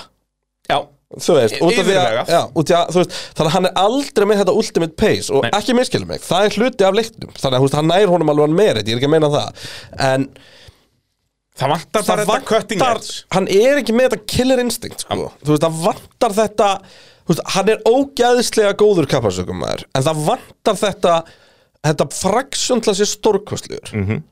Og það er bara, núna eru bara helviti margir á grittinu sem eru með það. Þú ert með Verstappen, þú ert með Hamilton. Þú veist, ég myndi, ég myndi halda að Russell myndi outqualifya Peres eiginlega alltaf við í saman bíl. Já. Leclerc myndi 100% skila, Leclerc er stórkostlegur í tímatökum Við fáum líka spurningu eftir. það á eftir um, hérna, þú veist, Alonso hann er betri, þannig að það er svolítið ástæðan, sko. Já, algjörlega, og eins og segi, Peres er bara frábær nummer 2 þannig að Peres er bara að fá, þú veist, Peres er bara að fá rosalega valid kredit finnst mér. Já, já. Uh, Sigurður Alex Veistu, uh, hann er á bíl sem á ekki geta endað neðar en annarsæti. Nei, nei, svo það sé alveg á hreinu. Já. Það er bara þannig. Sigurður Alex uh, segir, þið heyrðu það fyrst hér. Tjekko Peres verður heimsmeistari og minn allra besti Baldur Friðberg uh, bætir við. Peres flottur um helgina. Í viðtal eftir reisa fannst mér hann nána staðfesta að hann uh, væri að fara að stríða Max um titil. Uh, Erum við að fara að sjá eitthvað störlun milli þeirra það sem að eftir er? Eða er babybán dúkkan að grenja og Horner kemur og knúsar hann og segir Peres að hætta að nýðast á minnumáttar hérna, já, já. Hvað er, hvað er tala um Vestapen Já, en, en hvað er uh, babybón dúkan? Er það bara Vestapen? Er það en við, niður, ég veit ekki hvað þetta er Babybón eru handa dúkkurnar sem eru svona smábönn Já, ok En já. hérna Ég er ekki í dúkunum eins og bandur minn sko. sko, ég hérna Tjekk og mistari glemdu þessu Sko það eina sem að gæti við gerst Það eina sem gæti gerst Og það gerist eiginlega aldrei Það hefur örs sjaldan gerst í gegnum tíðina Að við komum einmitt á svona stað Og það er ennþá slagur Og númer tvö guðurinn tekur eitthvað skref Mm. Og hann hefur engu að fokkin tapa. Já, þú veist, við sáum Bottas gera þetta margu oft. Já, Bottas, veist, ég myndi treysta Byrja Peres frekar til þess að fara í hennar stað Þetta er Bottas. Algjörlega, algjörlega. Um, Þú veist, hvenær sá þetta síðast? Rósberg. Leclerc á móti Fettel En það var ekki titilslæður Ricardo, Ricardo síðast á móti Fettel Já, En það var aftur ekki bara, titilslæður nú, nú ætla ég bara að gefa þeim Sigurð Alex og mínum allar besta Baldri eðal bara, ég skal gefa þeim fimm í stöðul bara gefið þeim við ykkar möðni ég skal gefa ykkur fimm í stöðul á Peres sem er miklu betra heldur en sko það er ég að sjá á síðum að hann er með nýju sko. Er hann nýjó kúlbett? Já, þannig að uh, þetta er Hendið það, það eru vissur um þetta? Ég segi það að eh, ef þið eru vissun um þetta, neglið á það Nei, býtu, þá ætla ég að gefa, nei, þá verð ég að gefa herri og ég ætla að gefa 13 í stöður Sorry, ég, ég fór í öfu aft, ég kann ekki að stöðla Já. Þannig að ég ætla að gefa Sigurði og Baldri 13 í stöður Leggið þið bara inn á mig og hérna, ég skal gefa ykkur það. Já, Bara verum í bandi. Að Það ég er, ég er gjafmildur í dag. Því að ég veit að þetta er ekki að fara að gerast. Yfir yfir 23 Elska þeirra Peres og heimsbústar í haust og við spilum þessa klipu Já, já, en þá er bara spurning hvort einhver er búin að leggja inn á mig. Já, Það er svo bara verður þetta ákveðin skellur fyrir brallan við, við þurfum að taka því bara þegar það kemur Eh, Þetta var 25. skiptið sem að eh, Red Bull eh, kláraði 1 og 2 Já. Og eru komin upp í 5. sendi á listanum yfir semst þau lið sem eiga flest 1-2 og eftir Williams, McLaren, Mercedes og Ferrari Þannig að eh, þá ætla ég að hætta að tala um Red Bull í bíli. Var eitthvað sem við glemdum, Krina Nei, ég held ekki. Þá þurfum við náttúrulega að minna okkar allar besta fólk í, í Ólís, uh, vinnhópur.ólís.is Síðan er ég alltaf út að ég er að followa á Instagram, þá sér maður alltaf tilbúðin hjá hann Þetta er alltaf eitthvað tilboð, fárál Já, bara eitthvað bara kaffi og kleina á hundrakall. Þetta er eitthvað þannig dæmi alltaf bara. Og er alltaf bara svona einn dag eða eitthvað. Hann verður að puttan á púlsinum.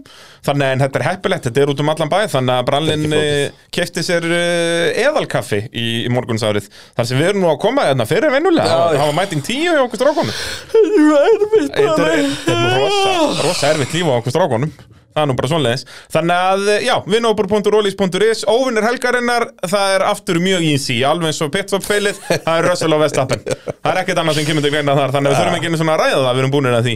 Uh, Aston Martin Mercedes eru í öðru sæti heimsvastaramótsins Með munfærri stig heldur Red Bull eru um 87 stig. Fernando Alonso heldur þriða sæti heimsvastaramótinu Eftir að enda fjórði um helgina. Uh, En Lance Stroll dettur niður í áttunda sætið eh, Hann er með 27 stig Gegn 60 stigum Fernando Alonso Eftir að Stroll endaði sjöundi um helgina. Kristín Eva spyr er Alonso að verða teamplayer og Fannar Freyr eh, spyr einnig er þetta loknið undan storminum með spænska ljónið? Og þá er eh, þau að referensa þetta dásamlega radio message eh, frá Alonso. Og já við skulum bara fá að hlusta þess á það. The lungs, my work balance suggestion as I am now. I think it's a good help. Yeah, copy, Fernando, copy, all understood. Já, þetta er, þetta er geggja Sko, er þetta loknið undan storminum eða er Alonso að vera teamplayer? Svarið er nei Alonso hefur alltaf verið bullandi teamplayer svo lengi sem að hinn er ekki að berast við hann Já sko á ég segja hvað Alonso var að gera núna Hann er að böttera alla svo vel upp verða besti vinnur allra þannig að þegar að skíturinn fer í viftuna Það verður búið að ætla hann Já, eða þú veist, svona ándjóks þegar að skítunum fyrir viftuna að þá mun það líti út fyrir að liði sem vondikallin en ekki hann. Ég meina, Alonso gerði þetta með með Okkon líka Já, þú já, veist, bara, og Van æ, bara þú veist, hérna, tell Esteban to defend like a lion og allt þetta. Alonso er ekki fáiði nema þú sérst að berast við hann. Já, og bara um leið og liðið fyrir eitthvað aðeins að, að líta á annað fólk Já, bara ándjóks, bara ef það er ekki allir þúsund manns í liðinu að sjá um "Vei, Alonso, um leið og hann fær ís?" eitthvað væp um að eitthvað sé í gangi að þá verður hann, þetta er svona eins og störtluð eiginkona, það er óvænt að segja. Þetta er bara, akkur er einn kona, akkur ekki einn maður? Eða ein maður. Það er bara út að ég kalkins þess vegna tók ég það dæmi, sorry með mig cancelaði mér bara núna. Það, þannig er staðan. En Þeir gæti uh, þetta að gera það reyndar. Já, hvernig væri að cancela brallan Það er líka um tíma. Já, það ekki, ég, ég hef átt minn tíma í Sviðslósinu Þetta er komið gott. Það þarf að cancela dráttum Nei, en sko með hérna með Alonso, þú veist, hann er teamplayer sko. Hann er, þú veist, Alonso Gekkja en, en, en ég skal alveg kaupa það að hver einasta aðgerð Fernando Alonso er hugsuð til þess að þóknast Fernando Alonso Jep. skilur við, þú veist, þetta er ekki þetta er ekki bara hann er orðin svo góður að hann ætlar að gera þetta en, en þarna þá líka, hjá- það hjálpaði hann ef hann hefði komið fram úr þá var hann komið með liðsulagan fyrir aftar sig og, Já, já. og ég meina, og strólna þetta líka sem er leiðis bara, heru, ég er ekki fara að ráðast á Alonso. Og það var alltaf best, hann mjög það betra eitthvað með sitt, hann má alveg reyna. The kid can try. Þetta er náttúrulega eins og bara Við erum að sjá núna plottið úr bara Brad Pitt Formule 1 myndinni að gerast. Já, og Lance Stroll verið er- 2024 Ég segi það, þetta er ekki flókið mál sko, að- að- Þá plottið að Brad Pitt er eldri maðurinn sem er fengin, kemur tilbaka í formúluna og er að hjálpa yngra hotshotinu. Stroll er ekki alveg unga hotshotið en, en við vinnum það sem við höfum í þessu. En uh, erfi helgi að mörgu leiti frá Aston Martin og Já. sko Alonso sagði það með þetta kérna bara ástæðan fyrir því að þessi helgi var ekki jafn góð og hina helgarnar er mesti styrklegi pílsins er að fara vel með dekkin og þannig að þá út af því að hversu snemma allir fóru að höru dekkin þá hvarf glukkin Já. eins og sagði, ef við hefðum farið með millihörudekkin alla leið og því að fólk vissi ekki hvað hörudekkin voru góð Eh, ef við hefðum farið með millihörudekkin alla leið þá hefði ég komist að uh, þóttið fram úr Charles. Já, og ég Þannig að það verður spennandi að sjá bara eins og bara núna, strax í Miami þú veist hvernig dekkisliti er en, en við þurfum að fara að horfa á þetta að brautir sem eru sérstaklega rear limited það sem aftdekkin eru, eru vandamálið að, að hérna, þar verður Aston Martin góður og, og, og samt skilur eins og Ástralía fer ekkert það ítla með dekkin en þá var hann samt, og eins og hann var í baku og er hann á pari, það er bara spurning svona hvar hann endar í framúraksturum og svona Já, og skilur náttúrulega hjálpar hann ekki að hann þarf að ræsa aftar út því að DRS opnaðist ekki tímatökum. Nákvæmlega, Og, þeir voru með eh, þessa bilun alla helgina bara uh, fegnir að Djöfull þetta var virkaði í flottur kefni framárasturni á Alonso og Sainz. Geggjaður vorum að hlusta hann hér í byrjun þáttar maður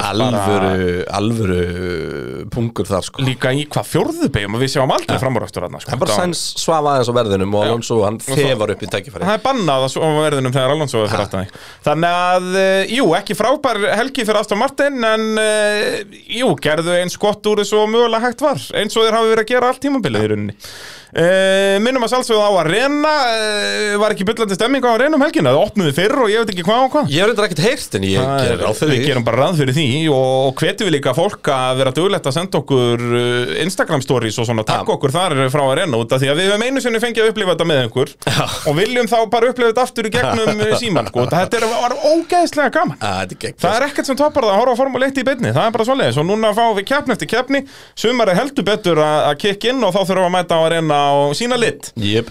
Uh, Mercedes er í þriðasætti heimsvæstaramótsins með 76 stig. Uh, eru nú búin að tapa já, eru hvað 11 stigum á eftir Aston Martin. Lewis Hamilton sittur í fjórðasætti með 48 af þessum stigum og George Russell með 28 því að já, Russell náttúrulega sko, skoraði jafnmörg stig í sprettkeppni og hann gerði í alvöru keppni Já, hann var bara 5 skellur. og 5 og 5 sko. Að Hann var fjórði í sprettinum og, og áttundi í, í kemni Hamilton var sjöundi í sprettinum og sjötti í kemni Já, þannig að Hvað ætlum við að tala um Mercedes? Þeir voru bara fokk lélegir um helgina. Já, og, en þú veist, ég myndi ekki segja að það væri neitt worrying signs, þú veist, það er fínt að vera leilur í bakú Þetta er það skrítin braut það, það, að- Þetta er ekki brautin sem að ferri dreymdum að vera best á sko. Ég segi það. Þannig að hérna Það, þú veist, í, eins og staðan núna myndi ég frekar vilja vera í þessu Mercedes heldur en þessum Ferrari, sko. aha, Já, Veit það ekki. Ég held að Mercedes, þú veist, Miami verður ennþá svona pínu, maður veit ekki, hugsa Það mun ekki vera fyrir fyrir á milli þeirra? Gæti verið fyrir fyrir, Ég hugsa það sko en síðan, þú veist, Imola og Barcelona og allt þetta verður bensin betri held En ég, maður að sko. fara í hæ Maður, jú, maður er bara með fulla vangi í Miami Já, það ekki, þetta, allur Já. fyrstikablin er high speed beigur, sko.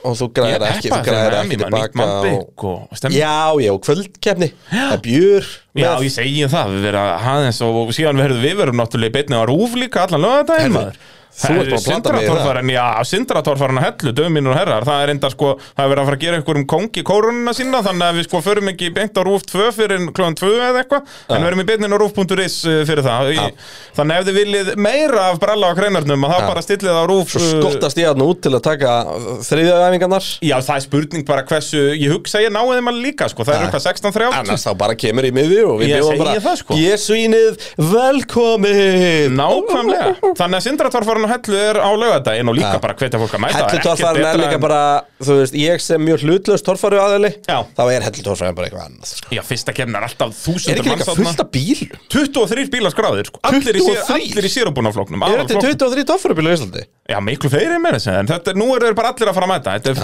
ég ég, bara, ég er svo peppa Ég hlaka til, ég, ég ég Já. formúluna, eh, offroad á ennsku fyrir því núna í, í hvað, fimm Síðan ára? 2015, þetta eru 8 Shit. Ný, Þetta, ert að byrja níund árið þitt núna Er ég að fara að Nei, það? alveg rétt, nei, þetta er áttund árið Þú varst ekki 15, þú varst 16 Já. Hérna, Já, já, þú, þú færð einhverjum þar á þig nei, nei, al, algjörlega hérna, og uh, Já, þannig að þú veist, ég veit samt voða lítið um toffara En mér finnst þú svo gaman að horfa á hana. Já, svona þekkir bílan á nöfnin út að þú ert að kommentera, skiluru En svona, þú ert, já, en, en þess vegna held ég að vera gaman að hafa okkur tvo þarna Já. sko. Ég sem algjöra nörd og þú er einn að halda mér á jörðinni með að hætta að tala um sjálfskiptingar og eitthvað. Þú vil geti ekki beðið þetta að tala um sjálfskiptinga með Já, milli ljónakassanna maður. Komið sæl og blessuð maður. En uh, ætlum við að tala eitthvað meður um Mercedes eða ætlum við bara að tala um torfæru eða? Nei, þú veist, Mercedesin er ekki góður í torfæru Nei, hann er aganlegur hann Agalur í torfæru, sko. En, uh, Og það, heyrðu, formúlubíl á ausudekkjum geti verið grjótart Komið sæl og blessuð hérna uh, já, þessi mótor er líka stöldlaður í tórsvaru hann er með tók allstað Ég segi það. En hérna Svo allavega í sandspytnu, hann verið, pínu vesen í brekkunum. Já, en uh, nei, með Mercedes þú veist, ekkert annað en það það er svona eiginlega svo gott að staðfist að stóra uppfærslan kemur á einmála Já, og það, ég er bara peppaði fyrir því. Algjörlega. Uh, En þú veist, Red Bull er held ég nú of stór biti til að reyna að ná að þessu tíma Var ekki einhver sem spurði, einmitt, ég var náttúrulega mikið búin að því, þú veist, hvena þegar kostkappið að býta? Var Já, það geti ekki, verið. ég held að það var ekki verið með hann inn í Red Bull. Uh, Já, verið ég að skýta á mig hérna? Já, ég held að, en allavega, mér fannst það heldur góð spurning Því að ég, svari mitt er að ég held að mun ekki býta, sko það er að tala um kostkapp refsinguna, sko. Já, já, já, ég held að, að- veist, hún mun að byggja býta að vera bara svo lítið að við tökum í gætti Já, bara þú veist, það verður bara eðlilegt yfir tímabilið að uh, hinliðin ná upp og í endan er þetta orðið jafnara, sko. Já, já það var Leclerc sem var að tala um þetta um helgina. Ég setti þetta mitt í Ferrari, en það er fínt þá að tala um þetta bara Já, núna, ok. því að við ætlum að tala um Það er Ferrari. að tala um Ferrari? Það er svolítið svo leiðis, því að Ferrari eru í fjórðarsætti heimsvættaramótsins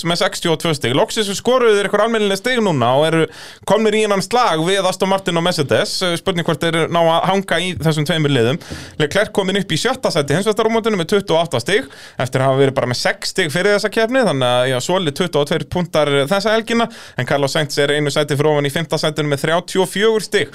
Eh, Leclerc uh, náði fyrsta velunapalli liðsins á árinu og Sainz endaði þarna 50 uh, Við vorum svo sem að tala um þetta Koskap dæmi sem hann Bjarni Haukur Já, spurðum það- ég er endar, já, ég sá ekki alla spurningunni. Ég sá bara hvernig ég sá þetta bara svona sem uh, notification í símanum mínum. Já. Þannig að hvernig sjá aflegin kostkapmannsins Svo bætir hann við sko varandi þróun tíma vindgöngum Leclerc hljóma eins og þeir væru nálægt í að finna eitthvað sem Red Bull hafa. Já.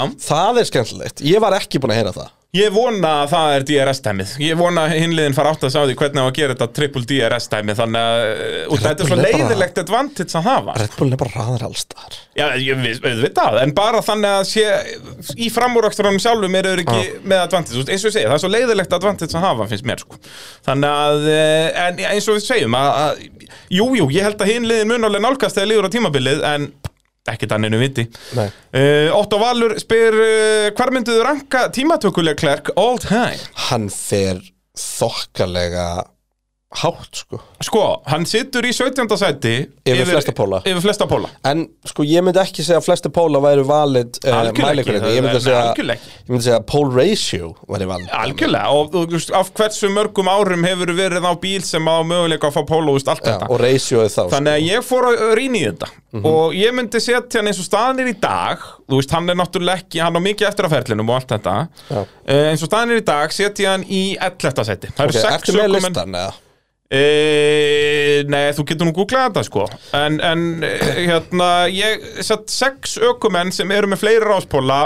Ég læt Leclerc fara fyrir ofan þá alla. Það er Valtteri Bottas, Damon Hill Max Verstappen, ég held að Leclerc sé betur en Verstappen í, í one lap pace. Fernando Alonso, ég ætla að henda Alonso fyrir neðan uh, Leclerc. Þó að Alonso var alveg geggjaðar hann á raunótugunum en, en var aldrei, þú veist, er- Ferrari er náttúrulega gataldið eitt í tímatökum, þannig að það er erfitt að meta það. Uh Nicky Lauda, hann var aldrei neitt spes í tímatökum, hann var náttúrulega frækt atvik hann þegar að vera heimsmeistari án þess að vera með einasta ráspól, en þá var hann orðin svolítið gamall. Og svo Nico Rosberg situr líka fyrir neðan. Já, ég- bara listin sérst yfir toppin upp á þessu Mhm. er þá Hamilton, Schumacher, Senna, Vettel, Clark Prost, Mansell, Nico Rosberg, Fangio, Hakkinen, Lauda, Piquet Já Og ég set PK ekki, ég set PK fyrir ofanlega klær sko, út af PK með BMW mótorinn var styrlaður Ég held að Leclerc sé bara fættilega sko. Já, en þú veist, það er svo erfitt að segja það núna sko. Ég- En jú, ég, ég, ég er Í samanlega dag myndi ég setja Leclerc á pól með Hamilton í saman bíl sko. Í dag Já, í dag En Hamilton var svakalur En hvaða önnur nöfn myndur henda fyrir neðanlega klær af þessum? Það eru, ég er með hann tíu nöfn fyrir framannan Ég Var Mansell eitthvað motherfucker í tíma? Já, störtlaði sko Hann Ég- náði að koma vonlausum Ferrari ég, um á pól ég held að ég geti eiginlega ekki dæmt um það því Nei. að þú veist, það eina sem ég get sporað hann sama við er nútími þú Já. veist, og við vitum að Hamilton og Vettel voru báðir, flesti þeirra ráspólar koma á bíl þar sem myndu bara að vinna liðsfélagan sko. Jep. um, og Nico Rosberg sum leiðis skilur hvað, hann er með 30 áspóla Já, en hann þurfti þá að vinna Hamilton sem aður sko Já, já, hann þurfti að vinna einn ökumann En hafði til þess alveg, hvað voru þetta? 100 og eitthvað keppnir Já. Ég held að Leclerc komist í Nei, ekki. Ég held að ef þú myndir setja alla í tímatöku núna og bara allir prime, þá myndir Leclerc vera í topp 10 klálega sko Já, Ég hef hann í 11. Já. Ég þorði ekki að setja hann ofar Ég veit það ekki sko. Kanski með henda hakkinu hakkinu var störtlaður á sjúmakar árunum sko. Og En Leclerc var er bestur í dag sko. Já, alg, algjörlega sammála. Uh, Einar Sveit spyr uh, Hvað finnst ykkur um framistöðu sænt um helgina? Mér finnst hann ekki er að skila nema alveg lélegur. max svona 90% af því sem hann hefur gert. Mér finnst það vera að skila bare minimum. Já, en ég minna þetta er bara eh, Mér fannst eina sniðu sem hann gerði er að átta sig á því bara, heyrðu, þetta er ekki mín braut Ég ætla bara að keira þessi 90% og bara koma mér í hann var mark. bara svo lélugur Já, og bara alltaf hérna, 0,6 til 0,8 hægar í öllum aðgerðum Það er bara skömmustulegt En þú veist, 50-50 uh, Kannski ekki træðilegt á pappír en, en þú veist, hann slapp líka með það sko. Já, og bara gerði ekki mistök, skilur. Já. Ástæða fyrir við tölum eiginlega ekkert um sænt núna er bara út af því að hann kláraði þetta bara, reyfir hann Já. klostur af. En þú veist, hefði hann eitthvað reynd að pússa er ég samfærum að hann endaði vegnum Ja.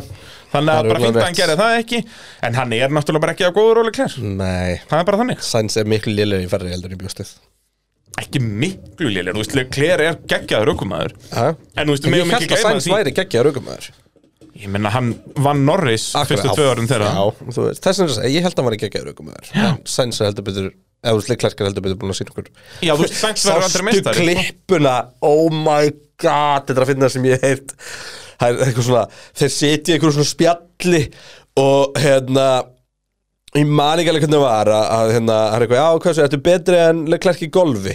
Golfi, tennis, þú veist eitthvað. Bara neyma sport, ég er betri. Heyrist til Leclerc? Motor racing.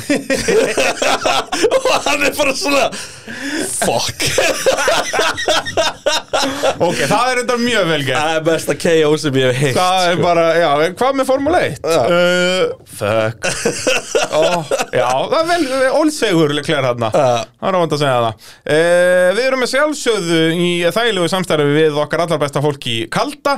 Uh, Er ekki líka komin kaldi léttöl og að Það er bara, brallin er svoleiðis að sippa sig í því hægri sippa, sig, því í sig hægri vinstri Það er nú bara svoleiðis. Og svo náttúrulega yfir suma tíman að skella sér í bjórböðun fyrir norðan Komiði sal og blessuð. Fú! Herðu, McLaren Mercedes. Hver á mest skilið kalda? Herðu, ú, ég uh, fór í ruglunu og glemdi því. Ég setti bara Sergio Pérez út af því að hann kerði 40 tímatökurringi Já, hann á það skilin ég, Það eru menn hann Það er hópu manna sem á það meira skilið. Já, að gefa bara rútu á þessa blessuðu ljósmyndara þarna. Nei, Nú. nei, nei, nei, nei, nei, nei. Á hérna Service crew hjá Gasly Það eru, það er þetta rétt Komiði Hversu sæl og blessuð. pirrandi? Já, pff, þeir eru skella nokkrum rútum á það Já, bara Það er bara, þannig er staðan já, bara kút, kút. Að kalda. Því að þeir þarna búin að vera vel sveittir Allir honum grút skítur og ógeðsleir Og að, eh, að sko ekki bara þurftu þeir að hérna, laga bílinn. Þeir Já, þurftu já. líka að þrýfa upp sko ekki, ekki bara glussa og bruna og eitthvað shit heldur líka bara allt úr öllum slökkutækjum á breytinni Já, bara svona 40 lítra Og hvað gerir að uh, þakkaði fyrir? Hann bombar í veggin Já, í þeir eru svona klára þrýfa kom olíusletturnar af, af ennun á sér að skila síðustu verkvarunum í Þeir eru ekki einu sinni búinir að fá sér te sko. snúa sér við og sk- skoða á skjáin og bílinn er í vegnum Gefðu manninum kalda.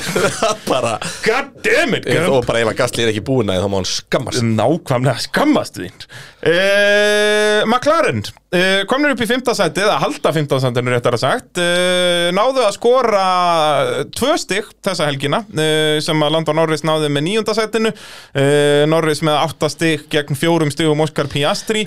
Uh, Piastri, hann fór í gegnum þessa keppni á tveimur ristuðum bröðsniðum Já Var það, það eina, var það eina sem hann held onissus? Ég held að það hafi verið eina sem hann borðaði yfir helgina sko. Fekk einhverja hiftalega matareitrun kallinn? Já. Og, Hann- hann eh, Hann á hann í skilið kalda. Já, heldur Hann átti betur skilið stig út úr þessu helgi. En bara geggja að sjá að uh, gátt eitthvað. Uh, Alls ekki brautin sem það átti að geta eitthvað. Þannig að ég uppfæstur ber heldur betur að virka. Já, og ætti að virka betur í næstu kemnum Já, það er ég bara býð spenntur. Okkar allar besti Jón Snævar eða Nonni Trabant eins og hann er oft kallaður? Vagvann byrjar að sjálfsögða því en það er hann hipp og cool eitthvað annað en við uh, old pieces of shit. Uh, Af hverju fór Norris ekki út í uh, seinust uh, skjótút tímatökunum? Skjótút? Já, shootout kallar minn. Hafði það eitthvað að gera með dekkjavalið í sprettinum? Sauf Sko, þetta er náttúrulega, þetta er mjög skemmtilegt að minn er það segast að, að reglan segir að þú verður að fara á nýjum mjúkum dekkjum ef þú kemst í Q3 í sprint shootoutinu tímatökunum fyrir sprettin verður frá nýju millihörðum í hinn tvö og nema það sem að Norris gerði á föstudinu var það að hann notaði of marga ganga mjúkum dekkjum þannig að hann átti engan nýjan mjúkan gang fyrir Q3 í Yep. sprettinum og liði vissi þetta. Uh, og þar alveg mátti hann ekki keira en, manstu, hann fór ekki upp á bílnum bræði Nei, það voru á dekk tilbúin Það og var undir bílnum, bara, já, já, undir bílnum, bara, í hittara og við vorum að fylgjast með og bara býtu Býtu, hvað er í og gangi? því, að, og að við vorum ekki viss hvort að Fía hefði gert eitthvað svona, já, nei, ok, já, jú, þið megi alveg fara að nota undir ekki Ég segi það, það væri eitthvað svona, hérna, eitthvað lúphól sem við vissum ekki af út að þetta var náttúrulega ný regla og liðin öll uh, á tannu Þannig að snildin hérna var að uh, í raun og veru að uh, liðið fann glöfu Bræði Þórsson Heldur betur og þarna satt Landon Norris á splunkun í um gang af regdekkjum Já, intermediate dekkin komin undir, uh, grænu vætudekkin og þá var sérst lúppóli það að það var svona, þú veist þú mátt fara á regdekkjum í þetta auðvitað, það er regning þannig að ef að bara, þú veist, Leclerc hefði bombað í veggin á fyrsta ring þá hefði hann bara farið eitt ring á regdekkjum, bara inn og út til að setja tíma. Já, neða það færið þrjá ringir, Já, einn ring, tímaring og, og, og eða, sem bara til að setja tíma Já. og uh, fara það upp í sæti. Já, og þá hafði hann, út af þá hafði hann verið með tíma on the board Já, út af um hann þurfti og að vera á nýjum mjúkum eða regdekkjum Já. og hann átti ekki ný mjúk þannig að það var tilbúin að regdekkjunum Já, Mér finnst þetta svo fyndi sko. Bara, þú veist, og þetta er Formule 1 í hnótskur Já, hann er liðin búin að sko, hugsa þetta lengra heldur en fía En það, þú veist, ég, öfund ekki fía Ef þú tekur bara allt brainpowerið sem er í að hakka regluna þetta versus brainpowerið sem er að búa það til Já.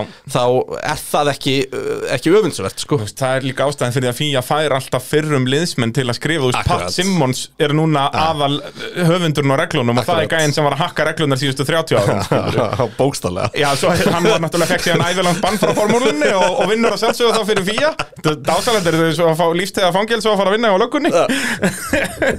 En hérna og, og þú veist, ég hef oft talað um þetta öll formúlið eru með teimi ekki bara verkfræðingum, heldur líka bara lögfræðingum sem eru bara að lesa reglurnar og finna loopholes. Já.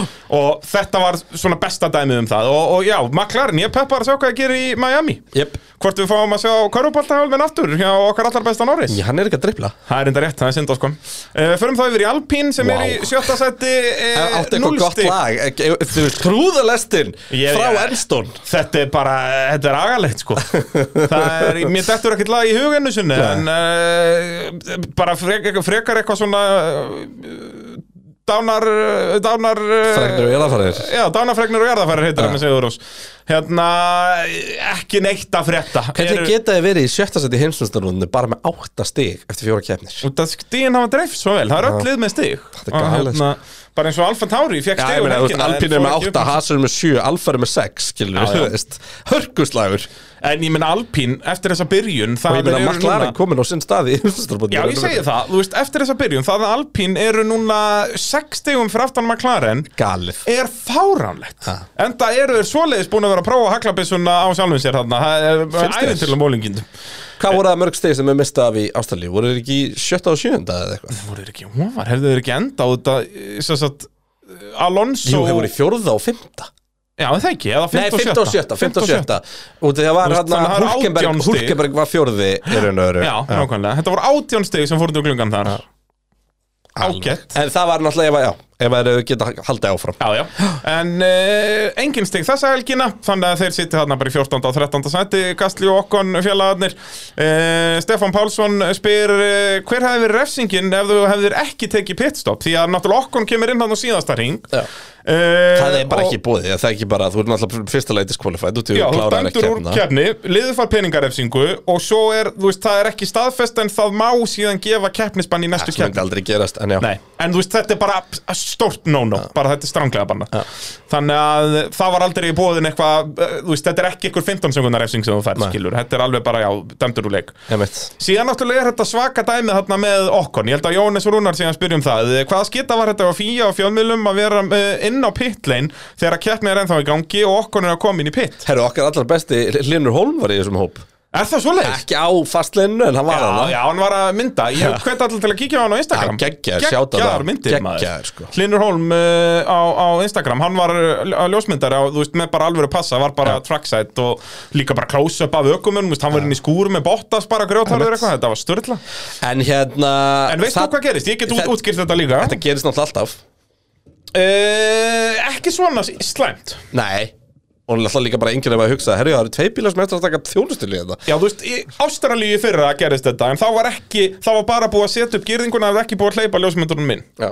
Og það sem, þú veist, þetta er ekki neinum öðrum að kenna heldur um fía. Já, Sest, já. það eru svona hlið þarna sem að eru, það er eitt hlið í miðjuna á skúrónum og annar hlið við endan á pitlinnu þar sem að þetta er við, við velunapalli Pittlinn náttúrulega lokast í raun og öru Þú veist, þú má ekki keira niður pittlinu Því að þannig er verið að setja upp park fyrir megið. Já, og uh, það er einhver starfsmæður fía sem að uh, hleypir ljósmyndunum hann inn. Já, þó að keppnin sé ekki búin. Já. Svo, augljóslega var þessi manneski ekki að fylgjast með keppninni því allir vissu að okkur nátt eftir að koma inn. Jep Þannig að svo manneskja, síðan var, var hún kölluð á fund með því það var búið að setja hlið. Það var búið að setja hlið þannig að þú kæmist ekki inn í pittin. Þegar þetta rífa í burtu. já, var búið að því, já, Já. dásamlegt. Fastleginu var lokað. Já, já, það var búið að setja parkverð með alveg, sérst, ekki bara þarna En þeir eru alveg setja það niður þegar hann kemur inn Þannig að þeir eru að halda á sikkur í hliðinu Þannig að hlaupa með það tilbaka. Litla. En líka sko, þetta var svo tæft og sérstaklega síðast í ljósmyndarinn þarna Þetta sem er er að ekkert labba- eðlilega að fyndi hvernig þetta er svona Wow, wow, wow. Alltaf, bara- Það er eins og þessi engin að taka eftir neinu. Nei. En þú veist síðan, það, þetta var mjög stutt í að þetta er bara ekki neitt fyndið, sko. Það var mjög stuttið það. Það er bara, hann hefði bara plaffað ekki um 20 manna hópa Já, sko. Þegar líka það er erfiðast að stoppa sko. Ég veit það. Um, Hérna uh, Og sko ofan á allt hitt Þá er flauta. Já, Það er alltaf flauta, það er regla, það er ógeðslega hátt, bara svona sírena. Já. Þannig að ef að bíl kemur inn í áður en hann fer yfir línuna Þú veist, þá flautar, það er bíl að koma. Já En þarna held allir bara að keppna verið búinn og bara allir lögrandi letir bara Já. ljósmyndar að fara upp í turnir þarna hinum megin og eitthvað bara, þú veist, litla þvælan, sko. Og líka ekki að fatta þetta, þú veist, það var ekki eins og þetta væri eitthvað óplanað pitstop, sko. Bara, Algjörskita í lenni ekki eða miklum tími í þetta nei, þó þessi manneska sem gerir þessi mistök uh, er vantarlega búin að fá gott tiltal Já. og allir lögrandi letir bara. Já. Eh, En all in all önnur helgi frá helviti hjá Alpín. Og bara gekk bara bílinn lélugur já. og aukumenni líka. Já. þannig að var það er perfect bara alltaf sumt þetta, þetta gati ekki lilla sko. En það er svo sem fínt að ökumennir eru að skýta á sig á sama helgi á bílinni Já, frekar en að skýta á það er sig þegar bílinni það er er góður. Þannig að það er eina jákvæði hjá Alpín annars að þeir alveg skjöta sleppt þessu því að það kom ekkert upp á krafsinu þessa helgina. Þurfum við ekki að tala um Haas Nei, það eina sem ég vil tala um er A Year on Planet Earth. Það var við að playa Heldur betur, það er svona náttúrulega, þetta er svona David Attenborough stemming nema það er ekki David Attenborough og Lisa heldur okkar allar besti Stephen Fry. Já, ok. Þetta er störtlað, ég hef gaman að þessu, þetta er svona farið yfir Herðu, jú, ástæðurnar. ég byrja að horfa á þetta. Já, þetta er veistlega, ég er búin með komin á þriðja þátt núna, þá er komið haust. Já.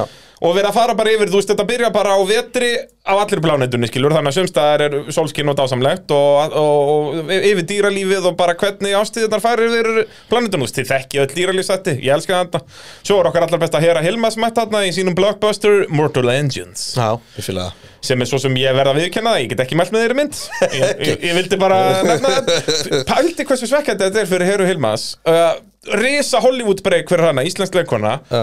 og síðan floppar myndin. Já, þannig að þú veist, núna er hún ekkert að fá sem er tækifæri, þú veist, þetta var Peter Jackson að pródúsera og, og þetta var allt Lord of the Rings gengið að gera þessa myndskilur þetta hljómaði mega vel, en, en, en þú veist, þetta er samt alveg skemmtilega æfintýra mynd, kannski aðalega með krakka og eitthvað en uh, Haas, eigum við að tala eitthvað um þá, eða? Nei, voru bara í þessum bílunum og vesinni en, en uh, fá engin stig lítið að frétta, bílinn var lélegur aðna, þetta var ekki braut fyrir þá bara fram gakk Já, það er ekki svolítið þannig. Uh, Alfa Romeo, við fengum eina spurningu um þá og það er náttúrulega aðalega bara Bottas. Fannar Freyr spyr, hvað er að gerast með Bottas? Er hann Bottas að frá- stefna ofan í sömu hólu og Ricardo var komin í? Já, Bottas frá þú veist, Joe Guan Yu er liðsfélagin hans Mhm. Bottas frá miðju síðastímbili er búin að vera ömulegur Já, en ég vil samt ennþá meina að, að hann, þegar að bílinn er off, að það þá það- nennir það hann er bara ekki bóði Nei, auðvitað ekki. En ég held að við munum alveg sjá hann einhvern tíman í 8. og 7. sæti með Já, að sjá í hörku 14. slag sko. bara eins og við heldum í byrjun tímbils Já. en þetta er bara, þetta er hrikalegt sko. Alfa Romeo er liðlegasti bílinn Er það ekki? Jú, hann hann er hægasti bílinn í, kepp, Hann- í hann- keppni Í keppni, þá er Alfa Romeo hægast. Slátrar þetta ekki Er þetta bara andra sæturlega? Geti verið sko uh, Hann er í, í ruglinu Já.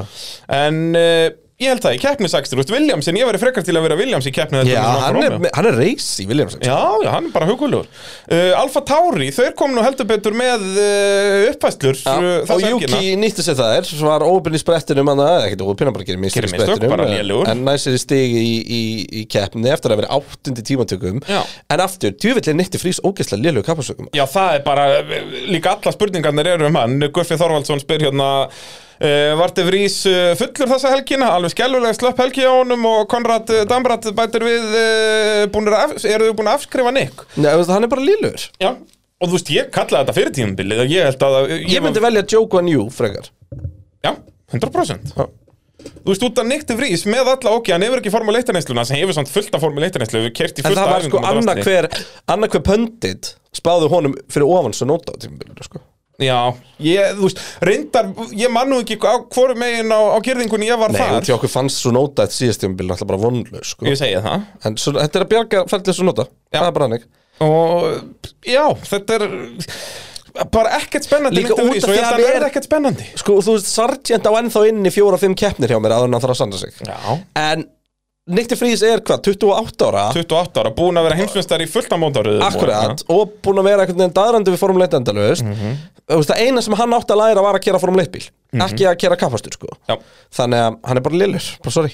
Að þangað til annað kemur í ljós. Þangað til hann kemur í ljós og hann er staði kemur þá hérna að lokum hversu langt þangað til að við sjáum Liam Lawson eða í Vassa hjá Alfa Tauri þar sem Dave Rees verðist ekki vera með þetta. Ég Lawson er að kveikja í, í kappasturseminum þannig að Og Ollie Behrman, fyrsta fullkomna helgin í Formule 2 komanni Ever. Og fyrsti sigurinn hans í Já, ég segi, þetta var fyrsti sigurinn svo hann tók bæði sprettin og, Og ráspól. og, ráspól. Og vinnur og- keppnina. og, og, og vinnur kemna Bara Sérst, Og reverse grid sprettin. Já, já, þú veist, ræsir Og það var ekki, þú veist, tíu bíla pæl-up, sko. Nei, nei, það Það var alveg eitthvað. Það var þryggja bíla pæla upp Já, en þú veist, já, vá, það var hérna ljótt. Já, það var pæla upp í orðsinsfylgstu menningu. Bókstaflega. Þetta var bara eins og á partasjólinni bara að vera að setja ofan á kontan Þannig hvernig fólk að kíkja á það Þessast sprettkeppnin í í F2 var veistla en keppnin sjálf var ekkert spes. Nei.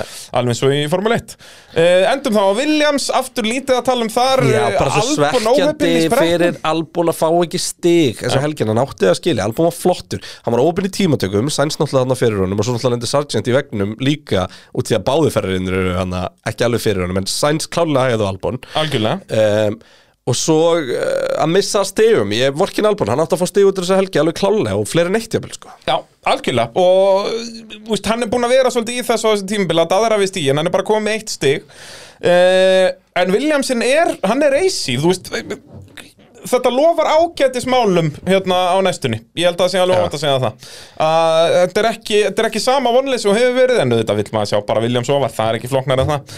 Uh, þá er svona þessari upptalningu lokið hjá okkur. Uh, við höfum náttúrulega eftir að skella okkur í spátumskeppni Pitsins og Pitturinn X Coolbet deildina í Grid Rival appinu. Uh, það er ennþá að, að taka þátt uh, í, í Grid Rival hjá okkur. Þetta er risastór deild, þetta er ekki rúmlega þúsund mannsatninni Já. og uh, Kreinarinn er sveittur fyrir fram mig að skoða hver vann þessa helgina og hver leiðir deildina Ve ve- veistu hver leiðir deildina? Ég veit það og ég veit hver uh, vann þessa helgi Vá, Eh, og hver, uh, hver, á hver ætlar að byrja? Sko segjuværi helgarinnar Já. var Arnar MH Arnar MH, það er synd og skömm að við erum ennþá ekki komið bjánulegt nafn sem vinnur. Nei, Arnar, Arnar. MH tók 1048 stig. Já, Þetta var hörku keppnir sko, Gulli Valger sem annar rétt og eftir og Daniel uh, í þriðja sko. Alright, en Arnar MH þannig að það býða honum uh, 100 eurur inn á Coolbet. 100 dólar á kúlbent, það bara senda okkur uh, já, hvað hann var með nei, fyrir ykkur hvað hérna, hvað nótunarnið hans er. Já. um, hann ætla að hafa mikið með það, Arnar.